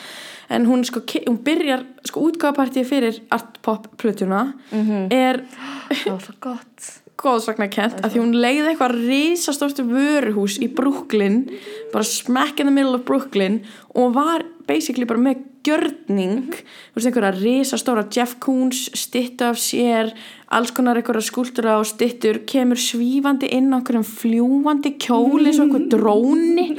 Og hún var ógeðslega skrítin á þessu tímabili, hún persónulega hún var ógeðslega svona svona hástemd og aloof og svona, þú veist, ótrúlega alvarlega eitthvað sem er bara 100% hún að gera grín. -hmm. af því að hún er að taka þarna hámenningu og svona artkultúr, þú veist snooty tooty, high and mighty kultúr og segja bara ok, ég veit samt hvað þetta er búin að læra þetta, kann þetta þekki þetta, en ég er samt líka poplistamæður já, akkurat veist, og pop söngkona sem er náttúrulega bara í the cultural hierarchy the lowest of the low, Akkurat. skiluru og eins og ég, ég bara þreytist ekki á því að segja að þessi plata fekk ekki þá aðtekli sem hún átti Nei. skilið hún er svo vannmetin Og þetta er svo vanmetin plata. ógeðst að því líka bara hlusta á hana trekk, eða bara hlusta á hana í gegn þetta er bara svo gott konsept rosalegt sko. Svona visually þá er þetta uppáhalds tímabili mitt já, sko alveg sammála sko. eins og þú veist, á Artpop eru að tala um skiluru Venus Geðveikt lag. Mhm. Geðveikt lag og Artpop lagið sjálft og Donatella, sko, Donatella og Mary Jane Holland eru mín uppáhalds Mhm. Donatella bara speaks to me það sem hún er bara mm, við mig og ég Já. skal taka vín og Já, og ég bara, nákvæmlega. já, tengi öll, bara öll, öll Bara platan. Dope er líka Já. Dope er geðveikt. Styrlalag sko. Það er styrlað lag. Um, og það sem er svona einkennandi frammi staða framkoman pe pe performance pe pe pe pe. Einkennandi performancein á þessu tímafili er einmitt á VMAs 2013 þegar hún þegar hún tekur applause. Og hún byrjar uh, performancein á því að standa á miðju sviðinu með eitthvað svona hvítan ferkantaðan hatt fyrir uh, uh, öllum haustnum bara andlitið á einhvern veginn eins og hún sé að kíkja gegnum einhverja hólu eða eitthvað.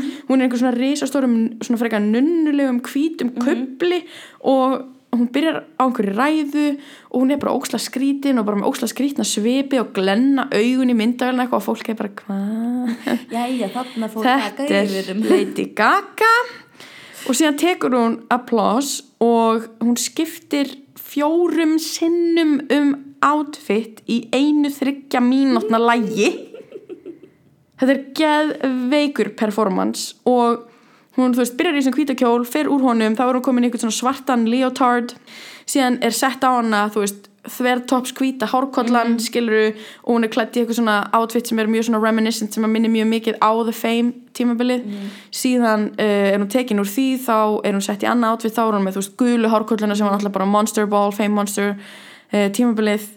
Og það vantar reyndar Born This Way tímabilið, en ég meina gefa mér kredit þetta er þryggja mínúta lag, skiluru Mhm. en það hefði verið gæðvægt að sjá það líka að því svo fer hann á bakvið fer úr þessu öllu og kemur fram á sviðið og þá er hún í Venusar outfitinu sem er líka einkennandi fyrir hérna artpop tímabilið, þú veist, skelljarnar og risastóra brúna hárkollan og þú veist, ha? og þetta er líka svo ógeðslega flott að því að hún er að koma, hún er að segja I've been away, þú veist, ég saknaði ykkar, ég vil að þið klappi fyrir mér og þið vitið að ég er búin að vera að gera þetta allt viljandi Já. þú veist, þetta, þess 2009 Fyrir Lady Gaga er ekki konceptið. 2013 Nei. Lady Gaga, þú veist, við erum þetta er, þetta er, Núna er þetta er tímabilið. til, já, nákvæmlega. Og svo fallegt að þetta sé Vínusar, Venusar Mhm. mótífið og Venusar átvittið af því að þú veist, það er svona táknumynd endurfæðingarinnar og Mhm. rísa upp úr, þú veist sjónum og allt þetta. Þannig að my girl knows what she's talking about. She knows what she's talking about. Og hún mætti líka mætti uh, á hesti, á gerfi hesti á þessa hátíð. Það var svona tveir menn sem voru einhverjum hvítum risastörum Já. gerfi hesti. Og hún var í þú veist fjólubláa Versace kjólnum og með Donatello hárkollinu þetta Mhm. er bara iconic, ég bara dýrka þetta. Um, og sko ég held að ástæðan fyrir því líka að Artpop hafi ekki fengið þá aðtigli sem að þessi plata átti skilið er að því að þetta er svo ógeðslega mikið konsept. Já, og líka einmitt að því þarna er hún farin úr sko auðveldri poptónlist, þú veist Just Dance er auðveld poptónlist. Mm -hmm. Better Omens er kannski skrítið en það er samt alveg smá auðveld skilur, telefón er samt alveg auðveld. Uh, þú veist, Born This Way er náttúrulega verður anthem, en þarna er hún farin út í eitthvað koncept sem er farið í burtu frá þessum auðvelda popkultúr sem hún byggði fræðina ofan. Já, sem er samt svo fyndið af því að maður hefði kannski haldið að bornisvei tímabilið hefði verið það sem allir væri bara þetta er skrítið af því að aesthetikið í gangi þá var mjög skrítið Það var það, en ég held að þá náttúrulega hún, þú veist, fór svo mikið gegnum, þú veist, maður sá uh, hvernig Fame og Fame Monster leitt hana inn á Born This Way og svo kemur artpop, sérstaklega kannski að þegar hún er að koma úr þessu hliði þú það kemur fólki svo mikið óvart. Það gerir það, þú af því að þetta er ekki, framvinda sem að, þetta er ekki framvinda sem að make a sense, skilur Nei. algjörlega. Um, þannig að please, hlusti á þessa, mm hlusti á þessa plötu, af því að, einmitt, hún bara svona giftir og sameinar hámenningu og lámenningu Mhm. og konceptlist, þú veist, þetta er bara, þetta er bara listaverk, Mhm. skilur, it's a piece of art. Eitt sem mér langar reyndar að minnast á er á þessari plötu var lag sem heitir Do What You Want Mhm. sem er, sorry, geggjað lag þú veist, lagið Já, sjálft ég, ég fílaði það já, reyndar ég elska þetta lag um, uh, þetta er sérst duett með R. Kelly Mhm. og 2013 þá vitum við alveg hvaða mann R. Kelly hefur að geima Mhm. Og ég man að ég varð fyrir mjög miklu vonbreyðum þegar ég sá að hún var að vinna með R. Kelly að því hugsa með bara það er svona 200 aðrir listamenn á hans kaliberi sem eru ekki svona problematic. En lægið þess að bara do what you want with my body það er hægt að miskila þetta en, en sko, og fólk var bara ok, skrítið að þú ert að tala um eitthvað do what you want with my body og þú ert með R. Kelly sem er búin að vera dæmdu fyrir barna nýð, skilur, þetta er allt mjög skrítið á hérna uh, AMAs eða VMAs þetta sama ár, syngur hún þetta lag með R. Kelly og sorry, sá performance er ógæðslega flottur það er sérst uh, svona presidential þema komum inn í Marilyn Monroe JFK dæmið. En þegar R. Kelly er búið með sinn part og fer af sviðinu þá leggst hún og hún á piano og syngur síðasta partinn af læginu sem er bara þú veist, do what you want with my body. Þú getur, þú getur aldrei tekið heilan í mér þú getur aldrei tekið hugan minn en þú mátt gera hvað sem er við líkamann minn. Og meðan að hún er að syngja það og það er mjög svona tilfinningaríkt þá rúlla á skjánu fyrir aftanana alvöru fyrirsagnir bara um hana og hennar líkama þannig að þetta lag er gaggríni á þessi, þessi slúður pressu og þessa þráhyggju sem við höfum fyrir líkumum kvenna Já. þannig að þetta er svona, þetta er pínu öfug sjálfræði bara ok, fuck you, gerðu það bara hvað sem þú viltu fucking líkamann á mér, ég hef þá allavega sjálfa mig Já. þú veist, ég er detached Já. from it all, skiluru sem að það er svo leiðinlegt að þetta lag og þessi, þessi skilabóð glatist í þessari R. Kelly Mhm. controversy en ég komst að því þegar ég var að skrifa þetta að það er búið að taka þetta lag af öllum streymisveitum, það er búið að taka þetta lag af YouTube og hún er ofinberlega búin að byggjast afsökunar á því að hafa nokkuð tímann unni með honum uh, og þetta, var, þetta er ein svona besta celebrity apology sem ég hef séð. Að því hún er að segja bara, ég ætla að byggjast afsökunar ég er ekki að afsaka mig. Já, akkurat, já. þú veist, ég var partur af vandamálunu ég var í mjög skrítnum pælingum á þessum tíma, ég var í mjög skrítnu hugafari það sést bara á textanum og á læginu mér finnst umulegt að, þú veist, ég hefi valdið ykkur vonbreyðum og þetta lag ég mun aldrei minnast á þetta lag aftur. Og til þess að gjörsamlega alveg setja naglan í kistuna, þá held ég að síðasta skipti sem hún hafi fra, sérst, sungið þetta lag sem duett, gerði hún í Voice með Kristínu Aguilera.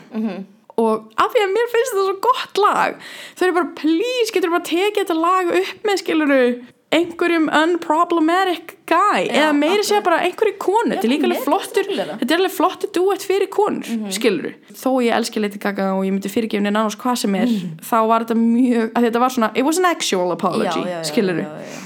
Uh, næsta platinar sem kemur út er platan, the, platan Cheek to Cheek sem er uh, jazzplata með Tony Bennett og það bara Bara aftur svona létt og lag. já, þú veist, again, bara step away haters, þú veist, Tony Bennett elskar Lady Gaga Já.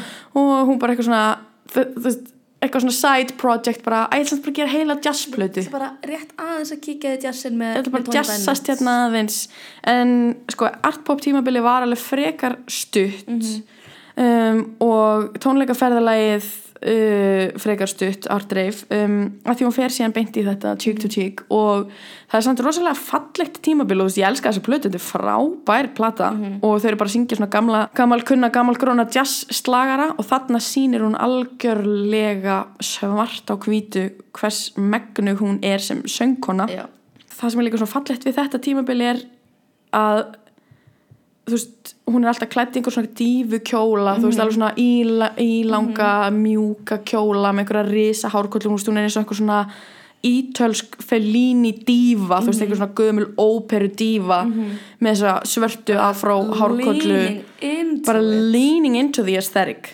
Og dyrka það. Og hérna, já, fullt andlit eitthvað svona háar augabrúnir. Og þessi plata fekk einróma lof gaggrinenda og þarna var fólk bara, já, ok.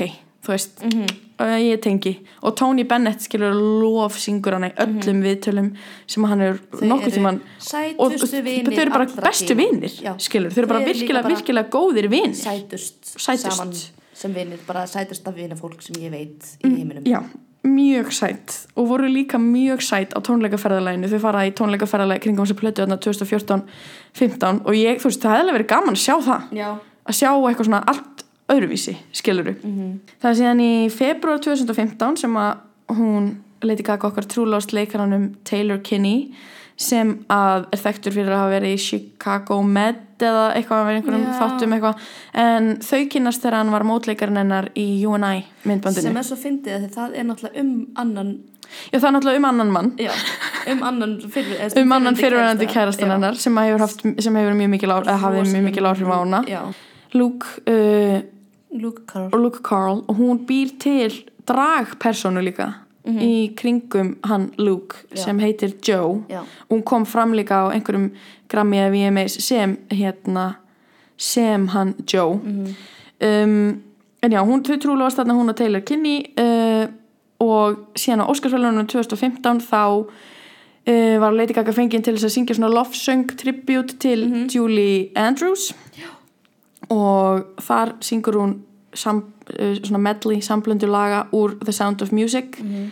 og þetta er hægt að sjá á YouTube og þetta er phenomenal. Já, og líka einmitt svona, þú veist, að sína bara svarta hvítu hvað hún getur gert sem söngkona. Akkurat og þú veist það er ekki oft sem að svona popstjórnur eins og hún fá þessi tækifæri, þú veist Óskarinn er alveg í hávegum hafður í, í bandaríkjunum. Og þetta var eitt svona uh, þú veist þetta er eitt af skrefunum í áttina því sem hún er að gera í dag skiluru um, síðan sama ár, sérst 2015 þá var hún líka tilnæmt til Óskarsvelununa og tilnæmt fyrir lagið uh, Till It Happens to You sem hún samti með Diane Warren uh, það eru heimildamindinni The Hunting Ground. Ég viðkenna, ég hef búin að gleyma þessu lagi þannig til ég sá eitthvað fyrir þetta. Já, ég bara hef ekkert svo mikið hlusta á þetta lag að því mér finnst það svo erfitt. Já, einmitt, svo mitt sá ég þetta var bara já, að það var ástæði fyrir ég hlust ekki á þetta. Þetta er ekki lag sem ég svona set á. Nei, veist, þetta er lag sem ég set á til að láta mér líða illa. Já, af því að þannig er hún komin ofinberlega fram með það að hún, henni var nöðga þegar hún var 19 ára hún er uh, þólandi kynferðis ofbeldis og lægið er sagt í myndinni The Hunting Ground sem fjallar um systematíst kynferðis ofbeldi í uh, háskóla lífi Já. bandaríkjan, college campuses. Og hún sagt er kynnt upp á svið af þáverandi var að fórseta Joe Biden sem er major og hún kemur á sviðið, hún upp á piano og síðan fyllist sviðið af einstaklingum sem eru þólendur, þólendur kynferðis ofbeldis. Og þetta er þetta brýtur í manni hjartað þessi performance af því að þú sér það líka bara á henni hvað þetta er ógeðslega erfitt en hreinsandi fyrir hana á sama tíma. og hún var náttúrulega búin að leika þarna var hún búin að leika í American Horror Story uh, Hotel seríunni og fekk Golden Globe fyrir sem að var líka, veist það er career defining Já, því að- ever sko. Já, og líka fyrir hana sko, persónulega Fyrir pers- komandi já. úr þessum leiklistar árum og komandi úr því að vera sagt að hún get ekki verið aðal hlutverki og komandi úr því að Stephanie verður aldrei fræg og allt þetta. Mhm. og þú veist, svo er eitt að vera tilnefnd en ándjós þegar hún eh, vann Mhm. og þegar hún er að lappa upp á svið og þegar hún er að taka við þessu það er bara það fallegasta sem ég hef hún sagði líka hún sagði í ræðin hún sagði eitthvað svona holy shit eða holy fuck eða shit eða eitthvað svona sem að maður má ekki gera skiluru sem er bara lýsandi fyrir það hvernig leið af því að sér veistu, líka- hvert einasta skrif sem hún er að taka er svo mikið til þess að sanna fyrir the bullies, the haters Já. fólkinu sem er búið að vera að setja hana niður öll þessi ár bara fuck you Já. sideways, ég Já. er komin hingað Sjáuði líka hvað ég er að fá? Að hún er búin að vera að vinna Emmys og, nei, hérna Grammys og whatever skilur VMAs og eitthvað svona sem er alveg frábært og hún er mjög ánum með það. En þetta er svo allt, allt er allt annað. moment, fyrir hana að þetta er svo miklu meira að setja ofan í Emmett þessi leiklistaskóla ár og ofan í kennaran hennar Akkurat. Og líka vegna þess að það eru ekki allir jafn successful í því að færast á milli Nei. tónlistar í leiklist eða frá leiklist yfir í tónlist Akkurat. skiluru, þú getur gert á verið þú veist, vinsæll og, og vel metin og allt það en þú ert kannski ekki að vinna ykkur velun þetta skiptir bara greiðlega miklu máli í, í landslægi Hollywood eins og það er í dag.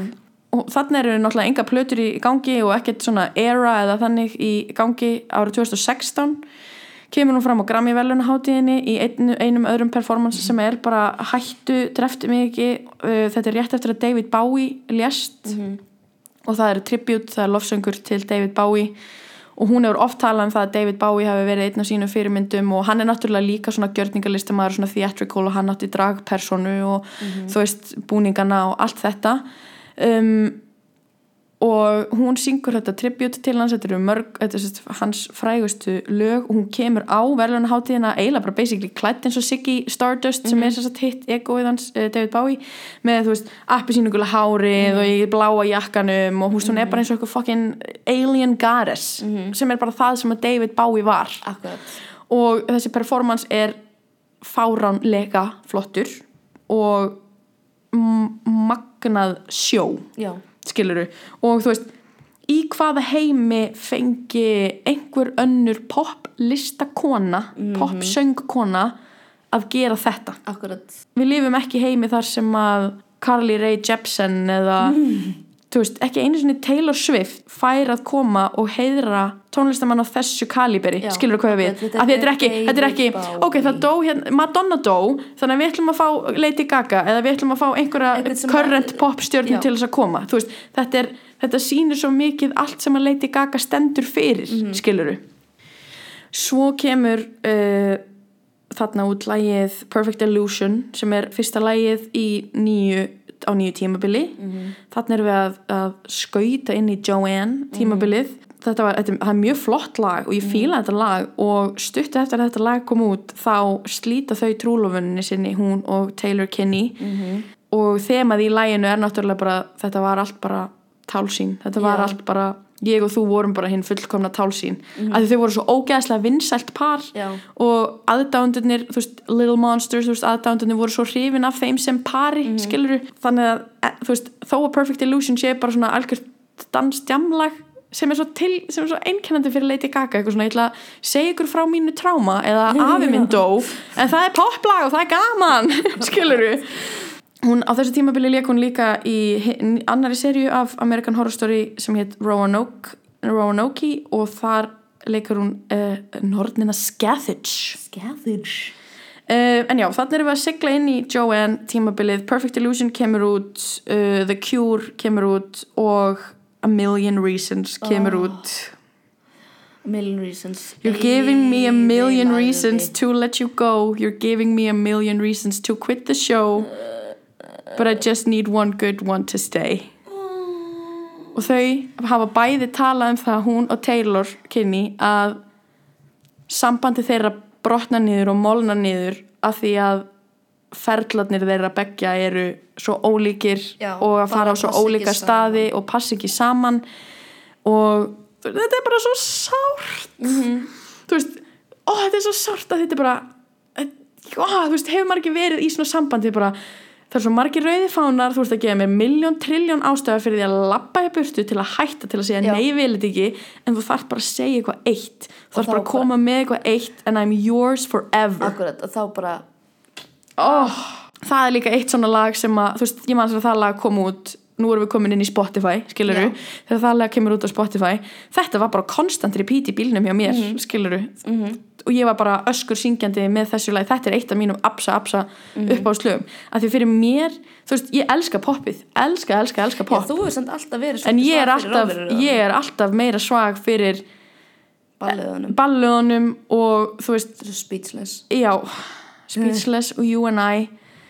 Af því þetta er líka hlutir sem að einhvern veginn alltaf þegar þessi lög koma út þá er þetta svo endur speglandi fyrir mitt líf og það sem er í gangi í mínu lífi at the time að ég er bara ok, er samt inn í hausnum að vera en það er líka það sem er svo fallegt við list á svo margan hátt er að þú veist, þú getur verið með einhverja konu sem hefur ekki hugmynd um að ég er til. Hún veit ekkert að ég sé til, hvað ég er að gera í mínu lífi. Ég veit allt um hana, ég er að tala um hana enn í tvo klukktími í þessu podcasti en við erum að upplefa sömu hlutina, við erum að tala um sömu hlutina hún er að gangi gegnum sama shit, sama heartbreak. Og að því hún er ekki hún er fætt, hvað, 86 hún er ekki það mikið eldri en við, skiluru þannig að, þú veist, Einmitt. og sérstaklega þegar ég er orðin 27 ára í dag og ég er að horfa á það sem hún var að skrifa og segja þegar hún var 19, 20, 21 þegar ég var 17, 18, skiluru Já, akkurat. það er ég bara, oh my god, vorum þetta er bara parallel og ég veist eins og þegar við vorum að tala um í gær hvað við myndum gera, við myndum ekkert að fara á meet and greet og við myndum hitta hana. Nei.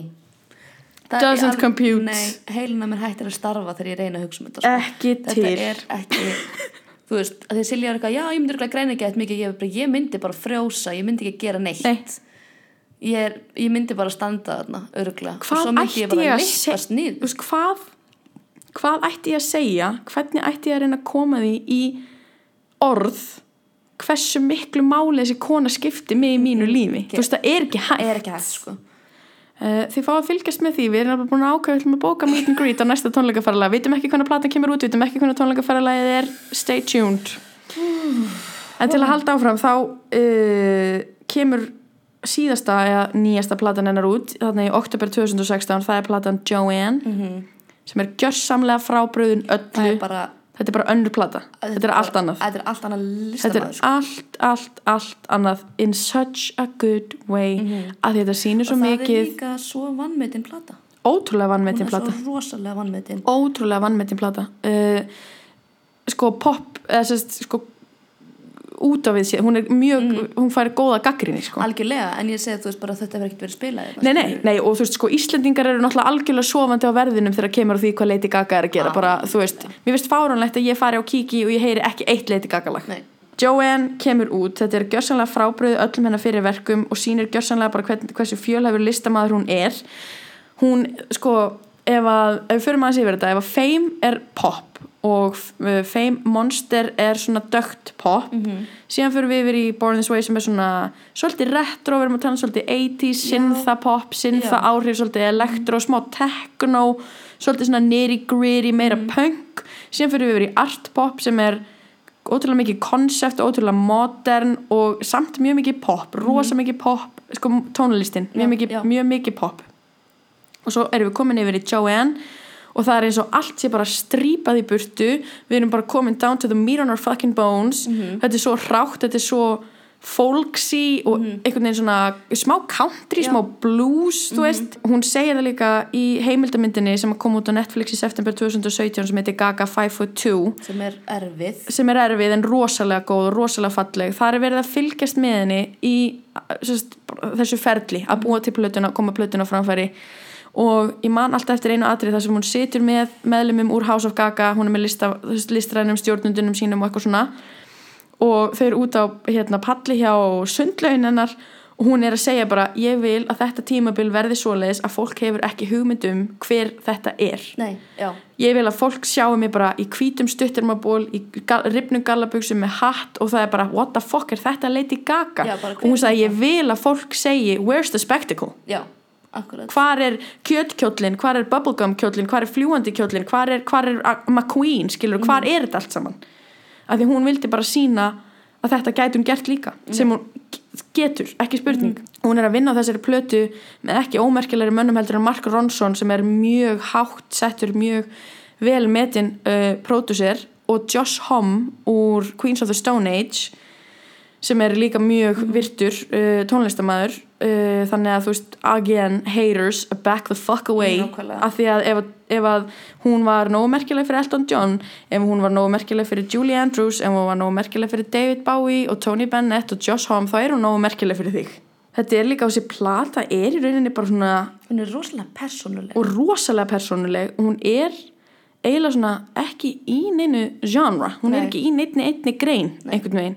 Og titillin titillin á plötinu og titillægið Joanne fjalla náttúrulega um frænkunar, sérst föður sýsturinnar hana Joanne sem að lést 19 ára úr lupus mm Mhm. sem ég man ekki hvað heitir á íslensku heitir ekki bara lúpus já. uh, já það er til eitthvað íslenskt orð en ég man, ég það ekki allavega sem er svona sjálfsofnæmis sjúkdómur og hérna og Lady Gaga segir í mörgum viðtölum að þetta er svona reynsandi plata fyrir hana reynsandi plata fyrir, hún náttúrulega líka gangi gegnum hennar skilnað við Taylor á þessum tíma. Um, þetta er reynsandi plata fyrir hana reynsandi plata fyrir fjölskyldun hennar af því að minning Joanne hefur bara leið eins og mara á fjölskyldunni alla þessa tíð af því hún deyr þarna 19 ára gömur, löngu ára að Lady Gaga fæðist. Og hún hefur sagt í viðtölum bara ég elska pappa minn og ég og pappa minn eru svo náinn en ég vildi óska þess að ég þekkti pappa minn ekki mannin sem er að syrkja þessu konu. Mhm. og í og líka bara að þekkja Joanne sjálf og þekkja Joanne af því að einmitt, þú, hún, kem, hún þú tengist fæðist Já, akkurat, þú fæðist inn í einhverja fjölskyldu þar sem að er alltaf verið að tala um einhverja konu og einhver kona er í háfi um höfð sem þú er aldrei hitt Mhm. skilur og mynd aldrei koma til með að hitta. Og þú veist viðlagið í Joanne læginu Girl, where do you think you're going? Þú Mhm. veist, við, við þurfum að vera að halda himn, him, himnaríki þarf ekki að vera að halda allir sem hafa gengið í gegnum einhvers konar sorg og einhvers konar missi Mhm. alveg saman hvort það er dauði eða einhvers konar sorg bara Mhm. geta tengt við þessa plötu að því að síðan eru líka lög á plötunni sem að fagna sorginni og Já. fagna þessari hreinsun og fagna, fagna því að, að þú veist ok, þessi ömuleg hlutur er búin að gerast en við sem fjölskylda, við sem heild við sem samfélag, við getum komið saman og tekið höndum saman og skálað í Pino Grigio skiluru sem er á eitt lægið á plötunni og verið bara hei, þú veist, skálum fyrir Joanne frængu, við ætlum að koma saman hér í dag, Já. skiluru Mín tvö uppáhalds á uh, þessari plötu eru annars vegar Angel Down sem að sko Úf, það er alltaf rosalegt lag. En ég man eftir ein, einhvern tíman ég held að ástæðan fyrir því að ég tengi svona mikið við þetta lag er að einhvern tíman þegar platan er 2016 Já, þannig að örglega svona 2017 þegar ég er að hlusta þessa plötu upp í rúmi og þetta er á tímabilið þar sem ég var rosalega kvíðin -hmm. og hafði ekki þú veist, einhvern veginn var ekki að ná að uh, koma því út það var rosalega fast inn í mér -hmm. og ég var að hlusta á þetta lag, hlusta á plötuna svo kom þetta lag og allt í einu áðan sem ég vissi af þá var ég farin að hágráta þú veist, það hafði ég líka ekki bara grátið í marga mánuði Nei. það var bara eitthvað lag sem bara ítti mér fram af þessari brún þar sem ég, þú veist, byrjaði veginn að sleppa tökunum, skilur um, og leifa mér að vera kvíðin, skilur og það er svo fallegt þegar list gerir þetta. Nefnilega, alveg sama hvaða list það er það Já. er, eins og ég var að segja áðan það er svo fallegt þegar að manni líður eins og að sé verið það er eitthvað að gerast, það Já. er einhver að hlusta á því það er einhver að segja, það er einhver að koma því í orð Akkurat. því sem að ég hef ekki geta sagt og ekki geta komið í orð og sjálf það sem að mér finnst líka best við list og, og sérstaklega eins og kannski tónlist eða sérst, talarlist er þú veist um, að það er ekkert víst að lægið fjalli um það sérst, Nei, þú skri- mátt setja þína merkingu inn í þetta. þótt að, þótt að textin sé einhver allt annað þá kannski heyri ég bara, ég pikk upp x Mhm, orð og tengi það við mig og það er það sem að, þú veist Akkurat, þá þýr þetta lag þetta fyrir mig akkurat, akkurat. En hitt uppáðslegið mitt er síðan í hína áttina og heitir Dancing in Circles og fjallar um sjálfsfróðun hvenna Jáp, og það er bara absolutt. svo innilega mikið fjallar Mhm. bara um það þar sem hún er bara, já, I'm gonna go dancing I'm in circles go dancing in circles downtown on my downtown. Þú veist, það er dyrka Það fyrst þegar ég heyrði það var eitthvað haha já, fyndið, svo eitthvað hlust, svo svona nei, byrja, ég ætla að byrja upp á Bíddu, nýtt að sagði hlusta. hún, ó, Já, hún er að, hún er að já, ok. Og sko endilega fáum fleiri svona lög. Akkurat.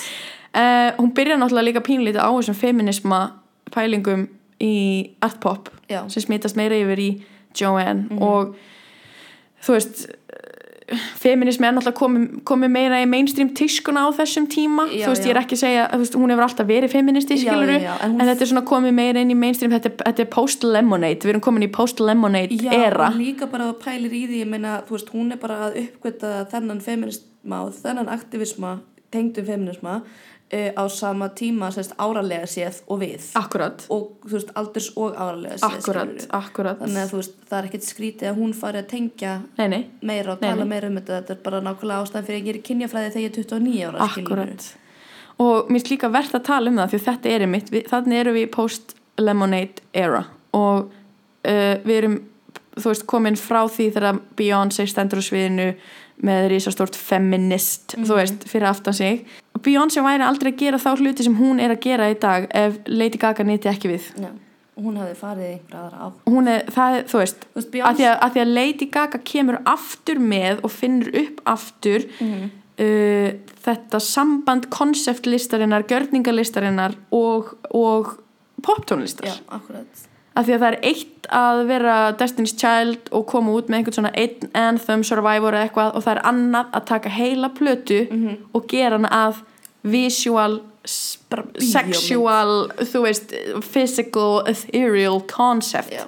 skiluru, sem að Lemonade er þannig að þú veist eins, eins og margar popstjörnur hafa Ég held eiginlega svolítið mikið, sorry, að það er líka séu rosalega mikið að hafa áhrif á hver aðra er ring já, já, já, já, Svo já. margt sem Beyoncé hefur gert sem að hún hefur verið, þú veist, upphafað sem að Lady Gaga síðan uh, getur nýtt sér. Skilur, eru og bara við vitum náttúrulega líka að þær eru vinkunur, þær hafa unnið saman áður, þær bera virðingu fyrir hver annari því þetta er ekki, og núna er ég ekki að tala íllum neitt, ég er Nei, ekki nei, að putting anyone down, en ég er bara að segja þetta er ekki sambarilegt og þær aðrar popstjörnur, sérstaklega konur sem að hafa bara hoppað á þennan skrítna vagn, Já. eitthvað svona skrítin konseptvagn af því að það er engin skilningur þar á bakvið Nei.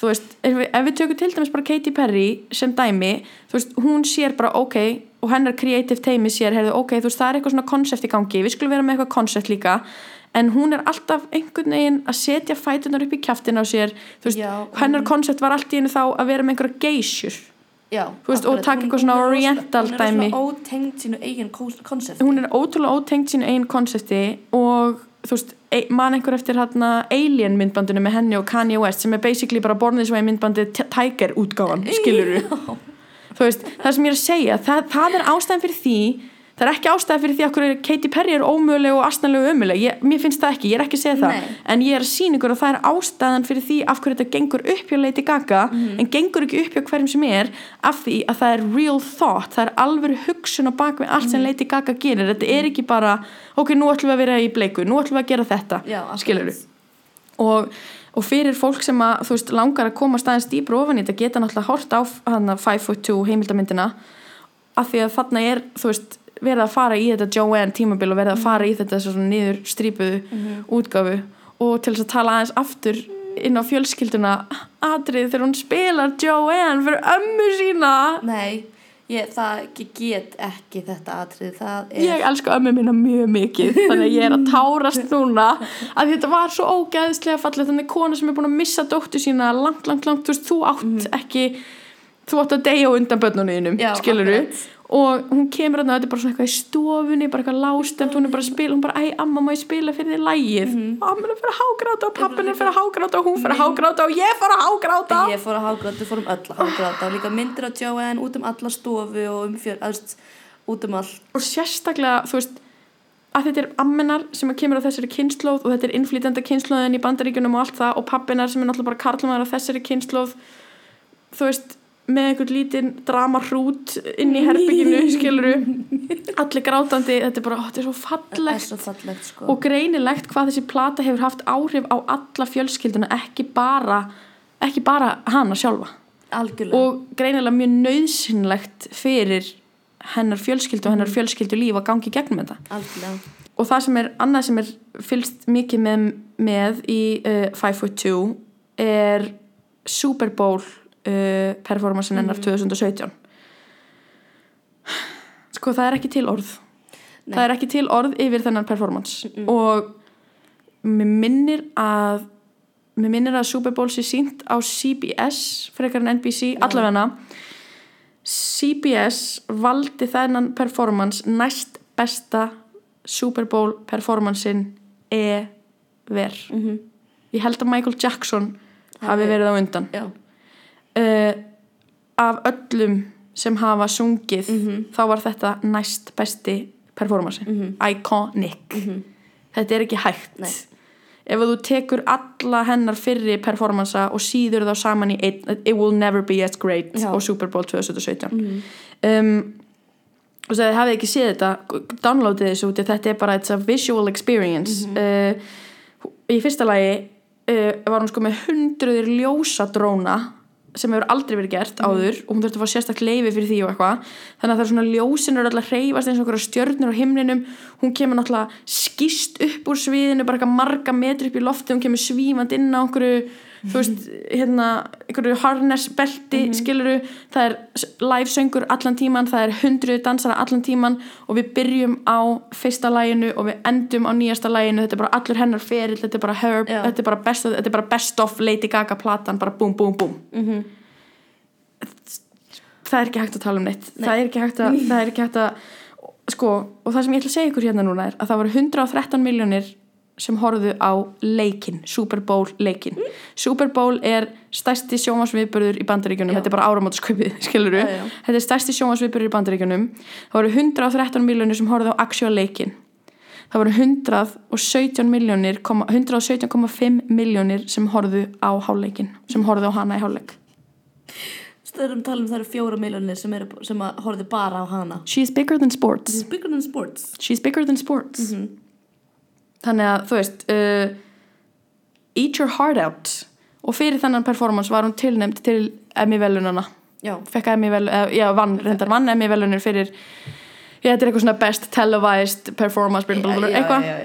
um, síðan í apríl og sama, sama ári þá er hún headliner á Coachella tónlistarháttíðinni þarna kemur The Cure út uh, og tónleikaferðalagi fyrir Joanne hefst í ágúst 2017 hún hafði áður tekið stutt ég myndur ekki segja tónleikaferðalag heldur bara svona tónleikaröð eða þannig sem hétt The Dive Bar Tour. Já. þar sem hún var að fara á svona uh, ég veit ekki hvað íslega, þetta er bara svona knæpur. Já, svona krár og knæpur basically þar sem hún byrjaði Já. og þar sem að lang flestir tónlistamenn byrja einhverjum svona krár og knæpur hist og her og þetta er rosa ameríst og Joanne er alveg með svona óður til mikið til amerískrar con- country og pop menningar skilur og þetta voru einhverju nokkri tónleikar þar sem hún tók úst, og þar er hún bara með einhvern gítar og, og eh, trommuleikara og er bara syngjandi upp á einhverju ponsu litlu sviði og það er ekkert, þú veist þetta er allt svona strípa niður. Svo fer hún á tónleikaferðalagið uh, þessi bara The Joanne Tour þannig í ágúst 2017 Við ætluðum að fara á tónleikana í oktober 2017 í London. í London uh, og hlökkuðum mikið til en þeim var aflýst vegna heilsufars hennar og þarna er sagt sko þarna er uh, 5 foot 2 komin út. Og það er nýbúið að bara eiginlega opinbera það að hún er með fibromyalgia eða vö- vöðva og vefjagikt sem er svona svæsin verkjasjúkdómur Já, og það er heartbreaking í myndinni að sjá hana í þessum verkefkvöstum sko. Og vefjagikt er svo ótrúlega erfiður sjúkdómur já, að vera með. Það er ekki hægt að, það er ekkert hægt nei, þú veist, ef þú færð slemt verkefkvöst þá ertu bara búin. og það sem er sko í myndina því það er náttúrulega myndin er mæntalega tekin upp 2016 2015-16 þegar þetta er ennþá ógreindur vandi. Þau heldu, það var haldið á tímabili hún væri með lupus sagt sama sjúkdóm og varð Joanne frængu sinni að bana sem að reynist svo ekki vera en, uh, og það sem er verst í myndinni er þegar hún er í þessum köstum og þegar hún er líður svona illa hún er að gera allt. Hún er að fara í fristikleifa, hún er með heita bakstra hún er með fólk að nutta sig, hún er með þú veist, Hún bara ger- gera hún er að gera hvað sem er bara fyrir nálastungur og maður sér að hún er bara orðin nánast ekki neitt hún er orðin svo grönn mm að því að þú veist það gerist bara þegar maður er svona mikill verka sjúklingur og getur ekki gert neitt og getur ekki hreift sig. Hún er að reyna að gera allt. Hún er að reyna að hún er búin að fara í eitthvað frostböð hún er búin að fara í, þú veist, eitthvað hita meðferð hún er með fólk að nutta sig, hún er með heilt teimi í kringu sig til þess að hjálpa henni að díla við þessi köst, með þess að þegar hún var að taka upp The Perfect Illusion myndbandið, þú veist, þá liggur hún bara ofan á húddina á einhverjum bíl, bara Á mikilli taka því hún er bara að drepast. Hún er bara öskrandi að henni líður sýtla þetta er svo sárt. Og við og ég sem króniskur verkjasjúklingur þetta var lang erfiðast fyrir mig að horfa á í, í myndinni sko þetta og, og þessi fjölskyldu missir að því að þetta er svo sárt þetta er svo andlega og líkamlega sárt. Og það mitt sérstaklega að vera með þú veist, þetta er, svona, þetta er svo mikið svona ósynlega sjúkdómur þetta er svo ótrúlega ósynlega sjúkdómur. Einmitt þú veist, og við hefum talað um veist, okkar bakverki og allt það í veist, áður. En þú veist því þú veist, þú, getur heldur ekkert líst þú, það er bara góðan dag, hvern, akkur allar ekki að koma í vinnuna að því ég með verki? Bara, ó, hvar, -hmm. bara ég er bara með já. það þú veist, þeir eru bara hérna. Einmitt, þú veist, hún lýsir þessu stundum og hún fær bara illt í, þú veist, andlitið. Bara henni finnst þess að andlitið sé að detta af sér og, og auðvitað ertu ekki að fara að performa, þú veist, einhvern tveggja, þryggja klukkutíma sjó, þú veist, dansandi og syngjandi og hoppandi og, þú Akkúrat. veist, þú getur ekki eins og gengið. Nei, akkurat. Og það er alveg syngt þarna líka, þú veist, fólk haldandi utanum hann og hún er ekki að geta gengið, hún getur ekki staðið, þú veist, þetta er bara hræðilegt og eins leiðilegt náttúrulega okkur fannst það þessum tónleikum var aflýst þá náttúrulega skildu við alveg. Og sem aðdándur vill maður náttúrulega stjörnunni líði eða þú veist manneskunni líði vel. Já, ég Þannig sagt, sko, að þau- þeim var sem þetta frestað frá oktober til februar 2018 og þeir, svo var sérst, tónleikurinn alveg aflýst sérst, þarna, bara nokkur dögum áður en við áttum að fara út. Og þú veist, einmitt, það var ég skild alveg og ég er bara you do you algjörlega skilur en ég varð svo sár að ég þurfti að unfollow hana á samfélagsmiðlum að því ég var búin að hlakka svo mikið til og líka af því að mér fannst svo ótrúlega leiðilegt að, veist, að þetta væri ástæðan en liði þetta illa mm -hmm. veist, hún hefur oft performað þegar henni hefur liðið illa, hún hefur alveg talað um það líka Mhm. skiluru, þú veist, að þetta kemur fyrst performansin kemur fyrst hjá henni, þetta er líka Mhm. það sem hún vill vera að gera og það að hún þurfi að aflýsa einhverju út af verkjum og veikindum það, það er þá er já, og þú veist fólk gerir þetta ekki að ganni sínu Nei, af því að þetta er tekjulindin þín, þetta er helsta tekjulindin þín Mhm. og ef þú ert svona stjarna svona celebrity eins og hún sem að þykir þetta vænt um aðdánduna þína og Mhm. metur aðdánduna þína jafn mikið og hún gerir þá er þetta náttúrulega fer, þetta fer með mann og eins og Mhm. við vorum líka að segja þú veist af því að henni þetta er hennar líf Já. þetta er ekki bara peningarnir hennar, þetta er hennar líf Mhm. Eitt sem er tekið fyrir í myndinni 5 foot 2 er uh, veikindi bestu vinkonennar líka, mm. sérst Sonja besta vinkonennar til margra ára greinst með krabba minn. Og Lady Gaga er þarna mjög upptekinn hún er að gera nýja plötu, hún er að promóta nýja plötu hún er með, hún er með þessa dive hérna, bar túra og allt þetta. Og Sonja vinkonennar segir við hana að hún sé komin aftur með krabba minn, hún er eh, í þú veist verkjakasti og eitthvað svona en segir við hana þú veist ekkert vera að koma og e, gerð þú bara það sem þú ert að gera og you do you, einbyttu þér og bara ég elska þig og allt þetta um, og það er í myndinni líka í eða því að Lady Gaga sé að fara að leika í kvikmynd Mhm. og ég meina, þú veist, at this point er ég er að actually að horfa á myndina þá veit ég að það er kvikmyndin A Star is Born, Já. skiluru en þannig er í að því að hún sé að fara að leika í sér kvikmynd með Bradley Cooper um, og aðeins um þessa mynd A Star is Born því það er bara það sem, það er það sem hún er að gera í dag og það er það sem að það, það er eiginlega basically kalla bara þú veist, A Star is Born the era Já, skiluru, því það er bara það sem hún er að gera í dag. Um, A Star is Born er þess að kvikmynd sem hefur verið endurgerð fjórum sinnum í Hollywood að þetta er bara svona a tale as old as time. Þetta er saga sem að hverfist um fræð og um Hollywood og um kynjarluturkin í, í fræðinni og einhvern veginn svona.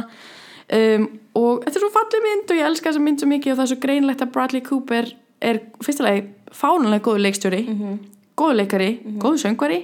Ha, skiluru og að hann hefur séð allar þessar fjórar myndir Já. og er, það er þróbekki allar þessar fjórar myndir í nýjustu myndinni. Og líka, það er líka mér finnst alveg sjást í gegnum allt þetta staðisbónferðli hversu mikil aðdáandi eða hversu mikil virðingu hann ber fyrir Gaga. Hann gjössanlega tilbyður jörðina sem hún gengur á Já, og þeir sögðu þeir uh, stúdíóhausarnir. Mm. uh, sérst að því að sagan er svo að Bradley Cooper sá Lady Gaga syngja á einhverju cancer benefit, einhverju svona krabbamins einhverju benefit. Um, og hann var bara boom, þannig er ég komið með mína konu því að Bradley Cooper ætlaði að vera búin að löngu búin að gera þessa mynd.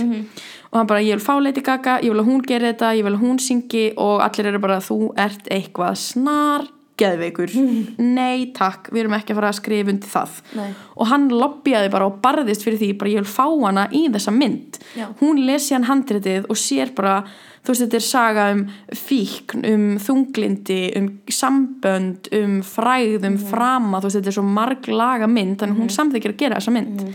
Og hann þarf að fara að selja þessa mynd núna sem bara, heyrðu, uh, Lady Gaga er samt með í þessari mynd og hversu lengi leading up til þessi mynd var frumsýnd, heyrði maður bara, jæja og ég viðkynna það fúslega að ég var ekki mjög spennt fyrir þessari mynd. Fyrst, ég var bara svona, já, ég meni, ég fer að sjá þessa mynd. En er þetta ekki bara, þú veist er þetta ekki bara eitthvað svona run of the mill eitthvað, þú veist, Já. að er þetta ekki bara að fara að vera eitthvað vella? Og um, þetta er vella, skilur en it's beautiful nonetheless. Já. og hún, þessi, ó, þessi mynd Lady Gaga er svo góð í þessari mynd hún er svo ótrúlega hún er svo góð í þessari mynd að það er fáránlegt. Ekki í lægi uh, rugg og hún semur alla tónlistina. Hún fær hérna með sér Mark Ronson og fleiri sem hún hefur unni með áður. Þannig erum við komin í allt annað sound.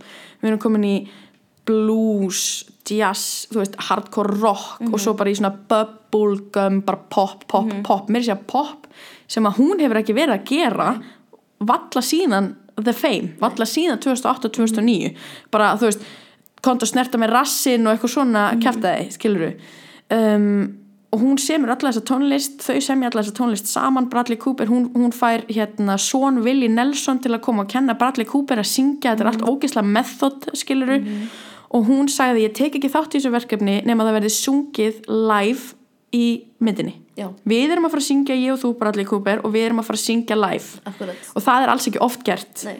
alls, alls, alls ekki. Og það er heldur ekki oft sem að leikarar eins og til dæmis Bradley Cooper sem er ekki þekktir fyrir það að vera söngvarar er að syngja sjálfur í sínum myndum. Þú veist það er yfirleitt fengin einhver vokalisti í Já. það.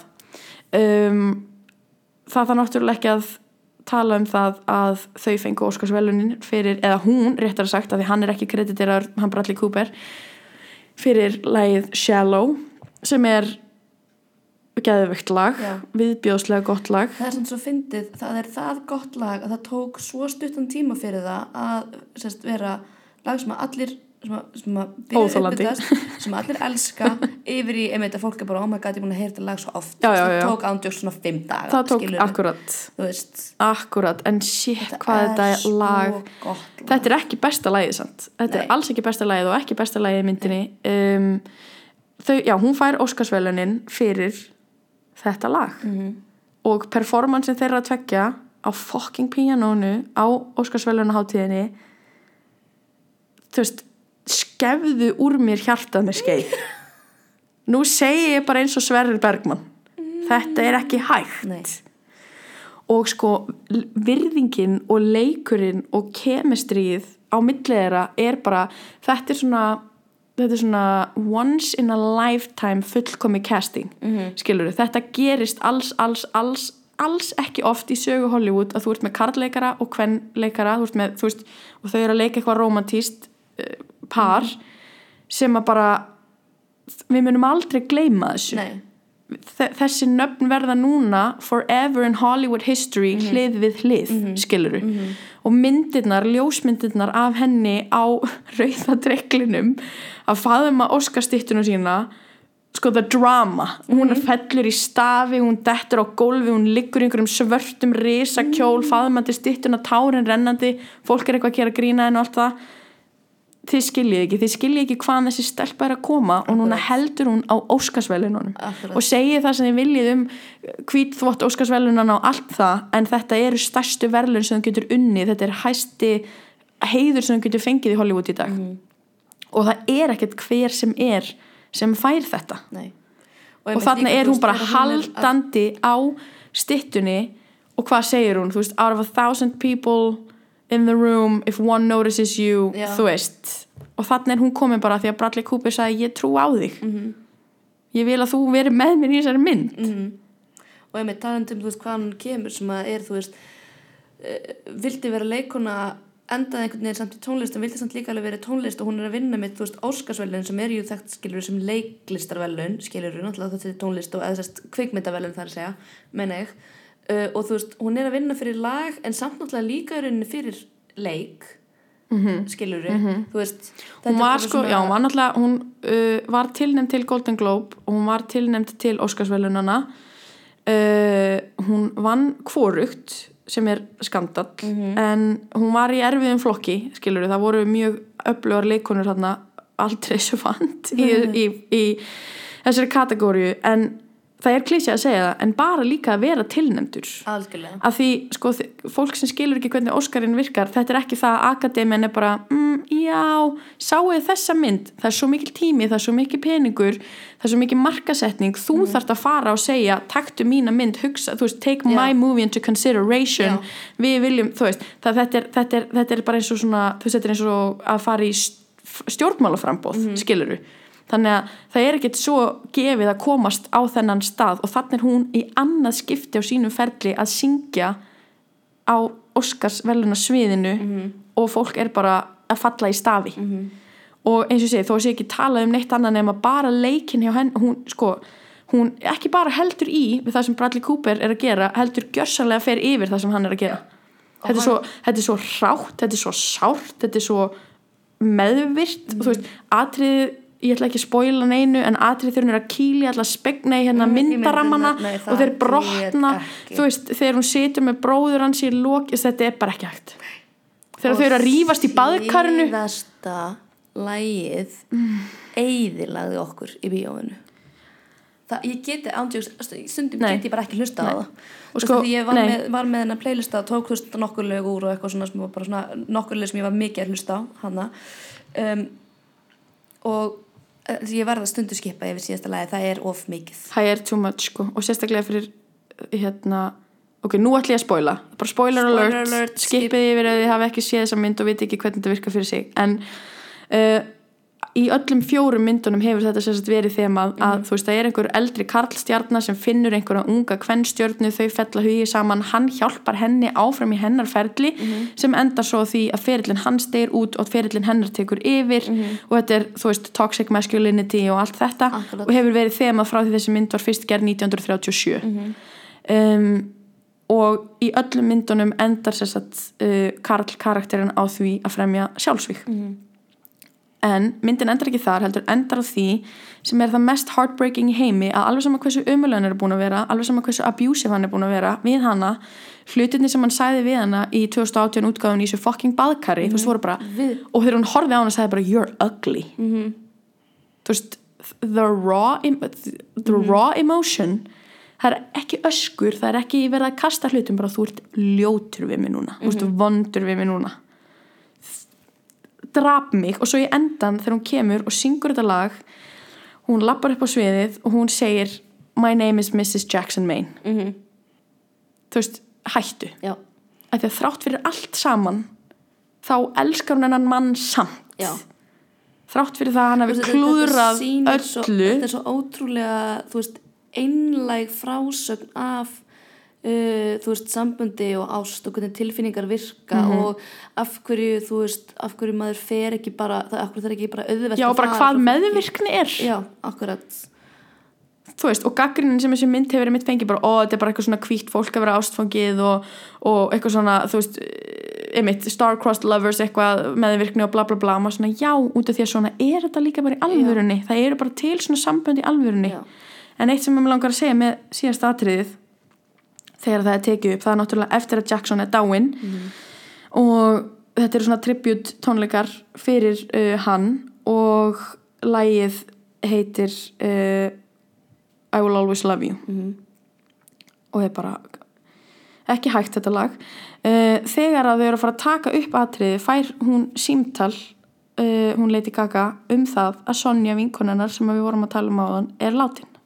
Ég geti þetta ekki, sko ég er að tárast við að segja þetta núna. þannig hún fær símtal að besta vinkonu sín sé látin og hún þarf að fara að taka upp þetta atrið þar sem hún á að vera að leika konu sem á að vera að missa mannin sinn vegna sjálfsvíks og Bradley Cooper kemur til hennar og segir bara heyrðu þú veist, viltu taka þetta, ertu alveg viss? Þú veist, hvað viltu gera, þú mátt gera þetta setna en þú getur líka að nota þetta og hún bara, nei, ég er fagmaður, bara through and through bara ég ætla að gera þetta. Þetta var ein fucking taka. Þetta var ein taka og viðbröðin hennar í lokin er hún að bregðast því að Að hún misti bestu vinkonu sína hún gati ekki farið á kvartana þetta er öll þessi eftirsjá veist, ef eitthvað dreipir mann þá er það eftirsjá akkurat. skilur, þetta er öll þessi eftirsjá þetta er allt þetta og þetta bara þetta, er, þetta atriði er bara þetta er atriði sem hún hefði átt að vinna Óskarinn fyrir. Veist, allir method leikarar skulu nú bara gera þessi í brók. Akkurat Já, ándjóst þegar ég heyrði þessi sögu af sérst, síðasta atriðinu og Sonju, að Sonju hefði dáið og eitthvað. Nei, það eiðilaði mig alveg. Þetta er ekki hægt sko. Af því að at the end of the day þú veist, til að núna wrap it up a little bit, þú veist, at the end of the day þá er er þetta bara fólk. Mhm. þú veist, Lady Gaga er bara Stephanie, Já, hún er bara litla Steffi, mhm. Þú veist hún er bara manneskja og hún gengur bara í gegnum það sem að allar manneskjur ganga í gegnum, Akkurat, hún er skilur búin að eiga einhverja kærasta og var búin að vera trúlófið og þú veist misnotuð, misnotuð, lögð í einelti afi hennar dó lögð í einelti þú veist, alls konar og Mhm. svo náttúrulega hvað, hvað þá talum sko slúðupressuna og einelti sem að liggur í því konseptu skilurðu. akkurat um, og þú veist og hún er bara að gera það sem hún vil eða þú veist, hún er bara, þú veist, hún verður að gera það Mhm. hún getur ekki hægt Nei. ekki, þú veist, eitthvað svona þú veist, að því hún vil vera að gera þetta Aha. skilur akkurat svona til þess að halda hins eginn þeim hennu gangandi hún til dæmis hefur mjög oft talað um að hafa verið sjöfuna stelpum og vera skotin í stelpum og hefur alveg talað um að vera tvíkina en samt alltaf dreigið rosalega mikið úr því Mhm. -hmm. og einmitt talað teki, hún hefur tekið smá svona by erasure á sjálfa sig sem er mjög algengt hjá tvíkinaðu fólki. Tvíkinn hefur konum líka sérstaklega. konum. Og þú veist uh, var mitt, þú veist, að bara núna á þessu ári sem hún er mitt hún kom basically bara út sem tvíkinu Já, en hún var líka samt að tala um sko, þú veist, að henni fyndist hún ekki nóg, eða þetta væri þú veist hátíð þeirra sem hún var að tala við skiluru og það voru rosalega margir uh, hins einn aktivistar á netinu sem voru bara, þú veist rítvítana og rítvíta þessi kvót og eitthvað að vera bara þú ert nógu hins einn mm -hmm. skiluru, að því að hún sjálf að draga svo mikið úr því þú veist, bara, og það er bara ándjós nákvæmlega eins og við höfum verið að tala um akkurat skilurðu. bara svo saman við höfum verið að upplega Akkurat, þú veist, að þannig að núna Bara- er hún líka mitt bara svona að fá um, og það því hún er alltaf verið þetta hún hefur, all, icon, hún hefur alltaf verið mikið, einmitt mikið átrún og góð hins einn fólks og en hún hefur alltaf talað um sig sem ally. Já, og líka því hún hefur náttúrulega verið svo mikill aktivist í málefnum hins einn fólks, mm skiluru og e, með hérna Born This Way Foundation og allt þetta, ekki það Born This Way Foundation sem er þess að góðgera samtök sem hún uh, stopnaði, halda utanum í rauninni bara geðhilsu og almenna hilsu ungumenna, mm -hmm. þetta er ekki bara hins einn ungumenni, við erum að tala um líka fólk sem er lagt í einelti eða hvað, þú veist hvað það er. Og þetta er alls konar svona vinna sem hún hefur verið að vinna basically bara bak við tjöldin mm skiluru, eins og eitt sem ég vissi ekki að í bandaríkjunum var alltaf þegar hún var á tónleikaferðalagi eftir hún stopnar hérna Born This Way Foundation þá, sérst, ef hún var í bandaríkjunum á tónleikaferðalagi þá var alltaf rúta sem að fylgdinni sem að var bara hérna, hún hétt eitthvað svona Bold, Beautiful and Brave bus eða eitthvað. Og þetta var bara ókeppis atkvarf fyrir, fyrir ungt fólk til að koma og ræða við fagmenn og fagfólk um vandamál sín, mm skiluru og það sem að Born This Way Foundation hefur verið að vinna með sko, virtum háskólum, virtum stopnunum, virtum vísindaransóknum um geðheilsu, um geðheilbriði, um tilfinningastjórnun, hún hefur talað á ótal málþingum, bæði um þú veist, málefni andlararheilsu, um málefni feminisma, þú veist hún kom hinga til Reykjavíkur og tók á móti fríðarverlununum Yoko Ono.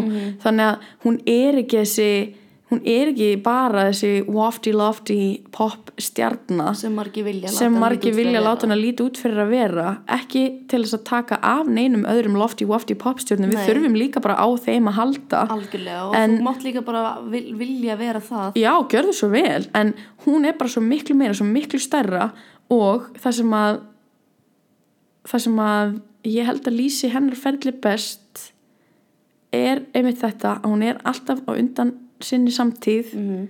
og hún er ekki metin af sinni samtíð Einmitt, það, og, og við munum ekki gera okkur grein fyrir áhrifunum hennar Nei. fyrir en löngu, löngu, löngu eftir, eftir á já, algjörlega og það er svo, svo, það er svo fyndið að segja að Lady Gaga sé vannmetin listamaður en hún er það mm Mhm. -hmm. já, hún er stórstjarna algjörlega, en einmitt fólk er ekki að átta sig á uh, því hver hún er í raun og veru Mhm. -hmm. og hvað er á bakvið hana og hvað er á bakvið allt sem hún gerir Mhm. og, og þú veist hver hún vill vera og af hverju þú veist það er, það er og það er líka alltaf leið, þú veist, mátt líka alveg fíla leið, þú veist, ef fólk vil fíla Gaga og bara hlusta lögin hennar og bara you do you skilur við alltaf, en það bara, það fer í töðunar mér þegar fólk talar hann niður af því hún er popstjarna, eða þú veist. Og leifin ekki bara að vera uh, þú veist, átti sig ekki á henni, akkurat. basically. Af því að hún er ekki bara popstjarna hún er pop. Já, Jæja, þetta var Lady Gaga og þetta var tilfinningarlegu rússibani já, en við gætum, við gætum haft hennar þátt fimm tíma, sko Já, við hefum getað haft bara bara The Lady Gaga podcast, Já, sko. Algjörlega Það, það verður hlýðaverkefni En kæri hlustendur, það er komið að endalokum þáttarins í dag. Ég vona að þið hafa haft gagn og gaman af þó að þetta hefur verið svona með aðeins óhefbundnu sniði.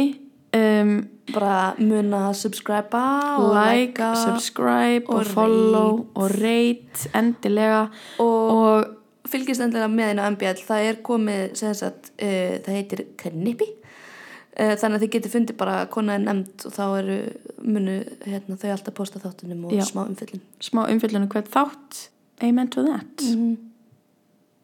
og hvers vegna er það? af því að feðraveldið thank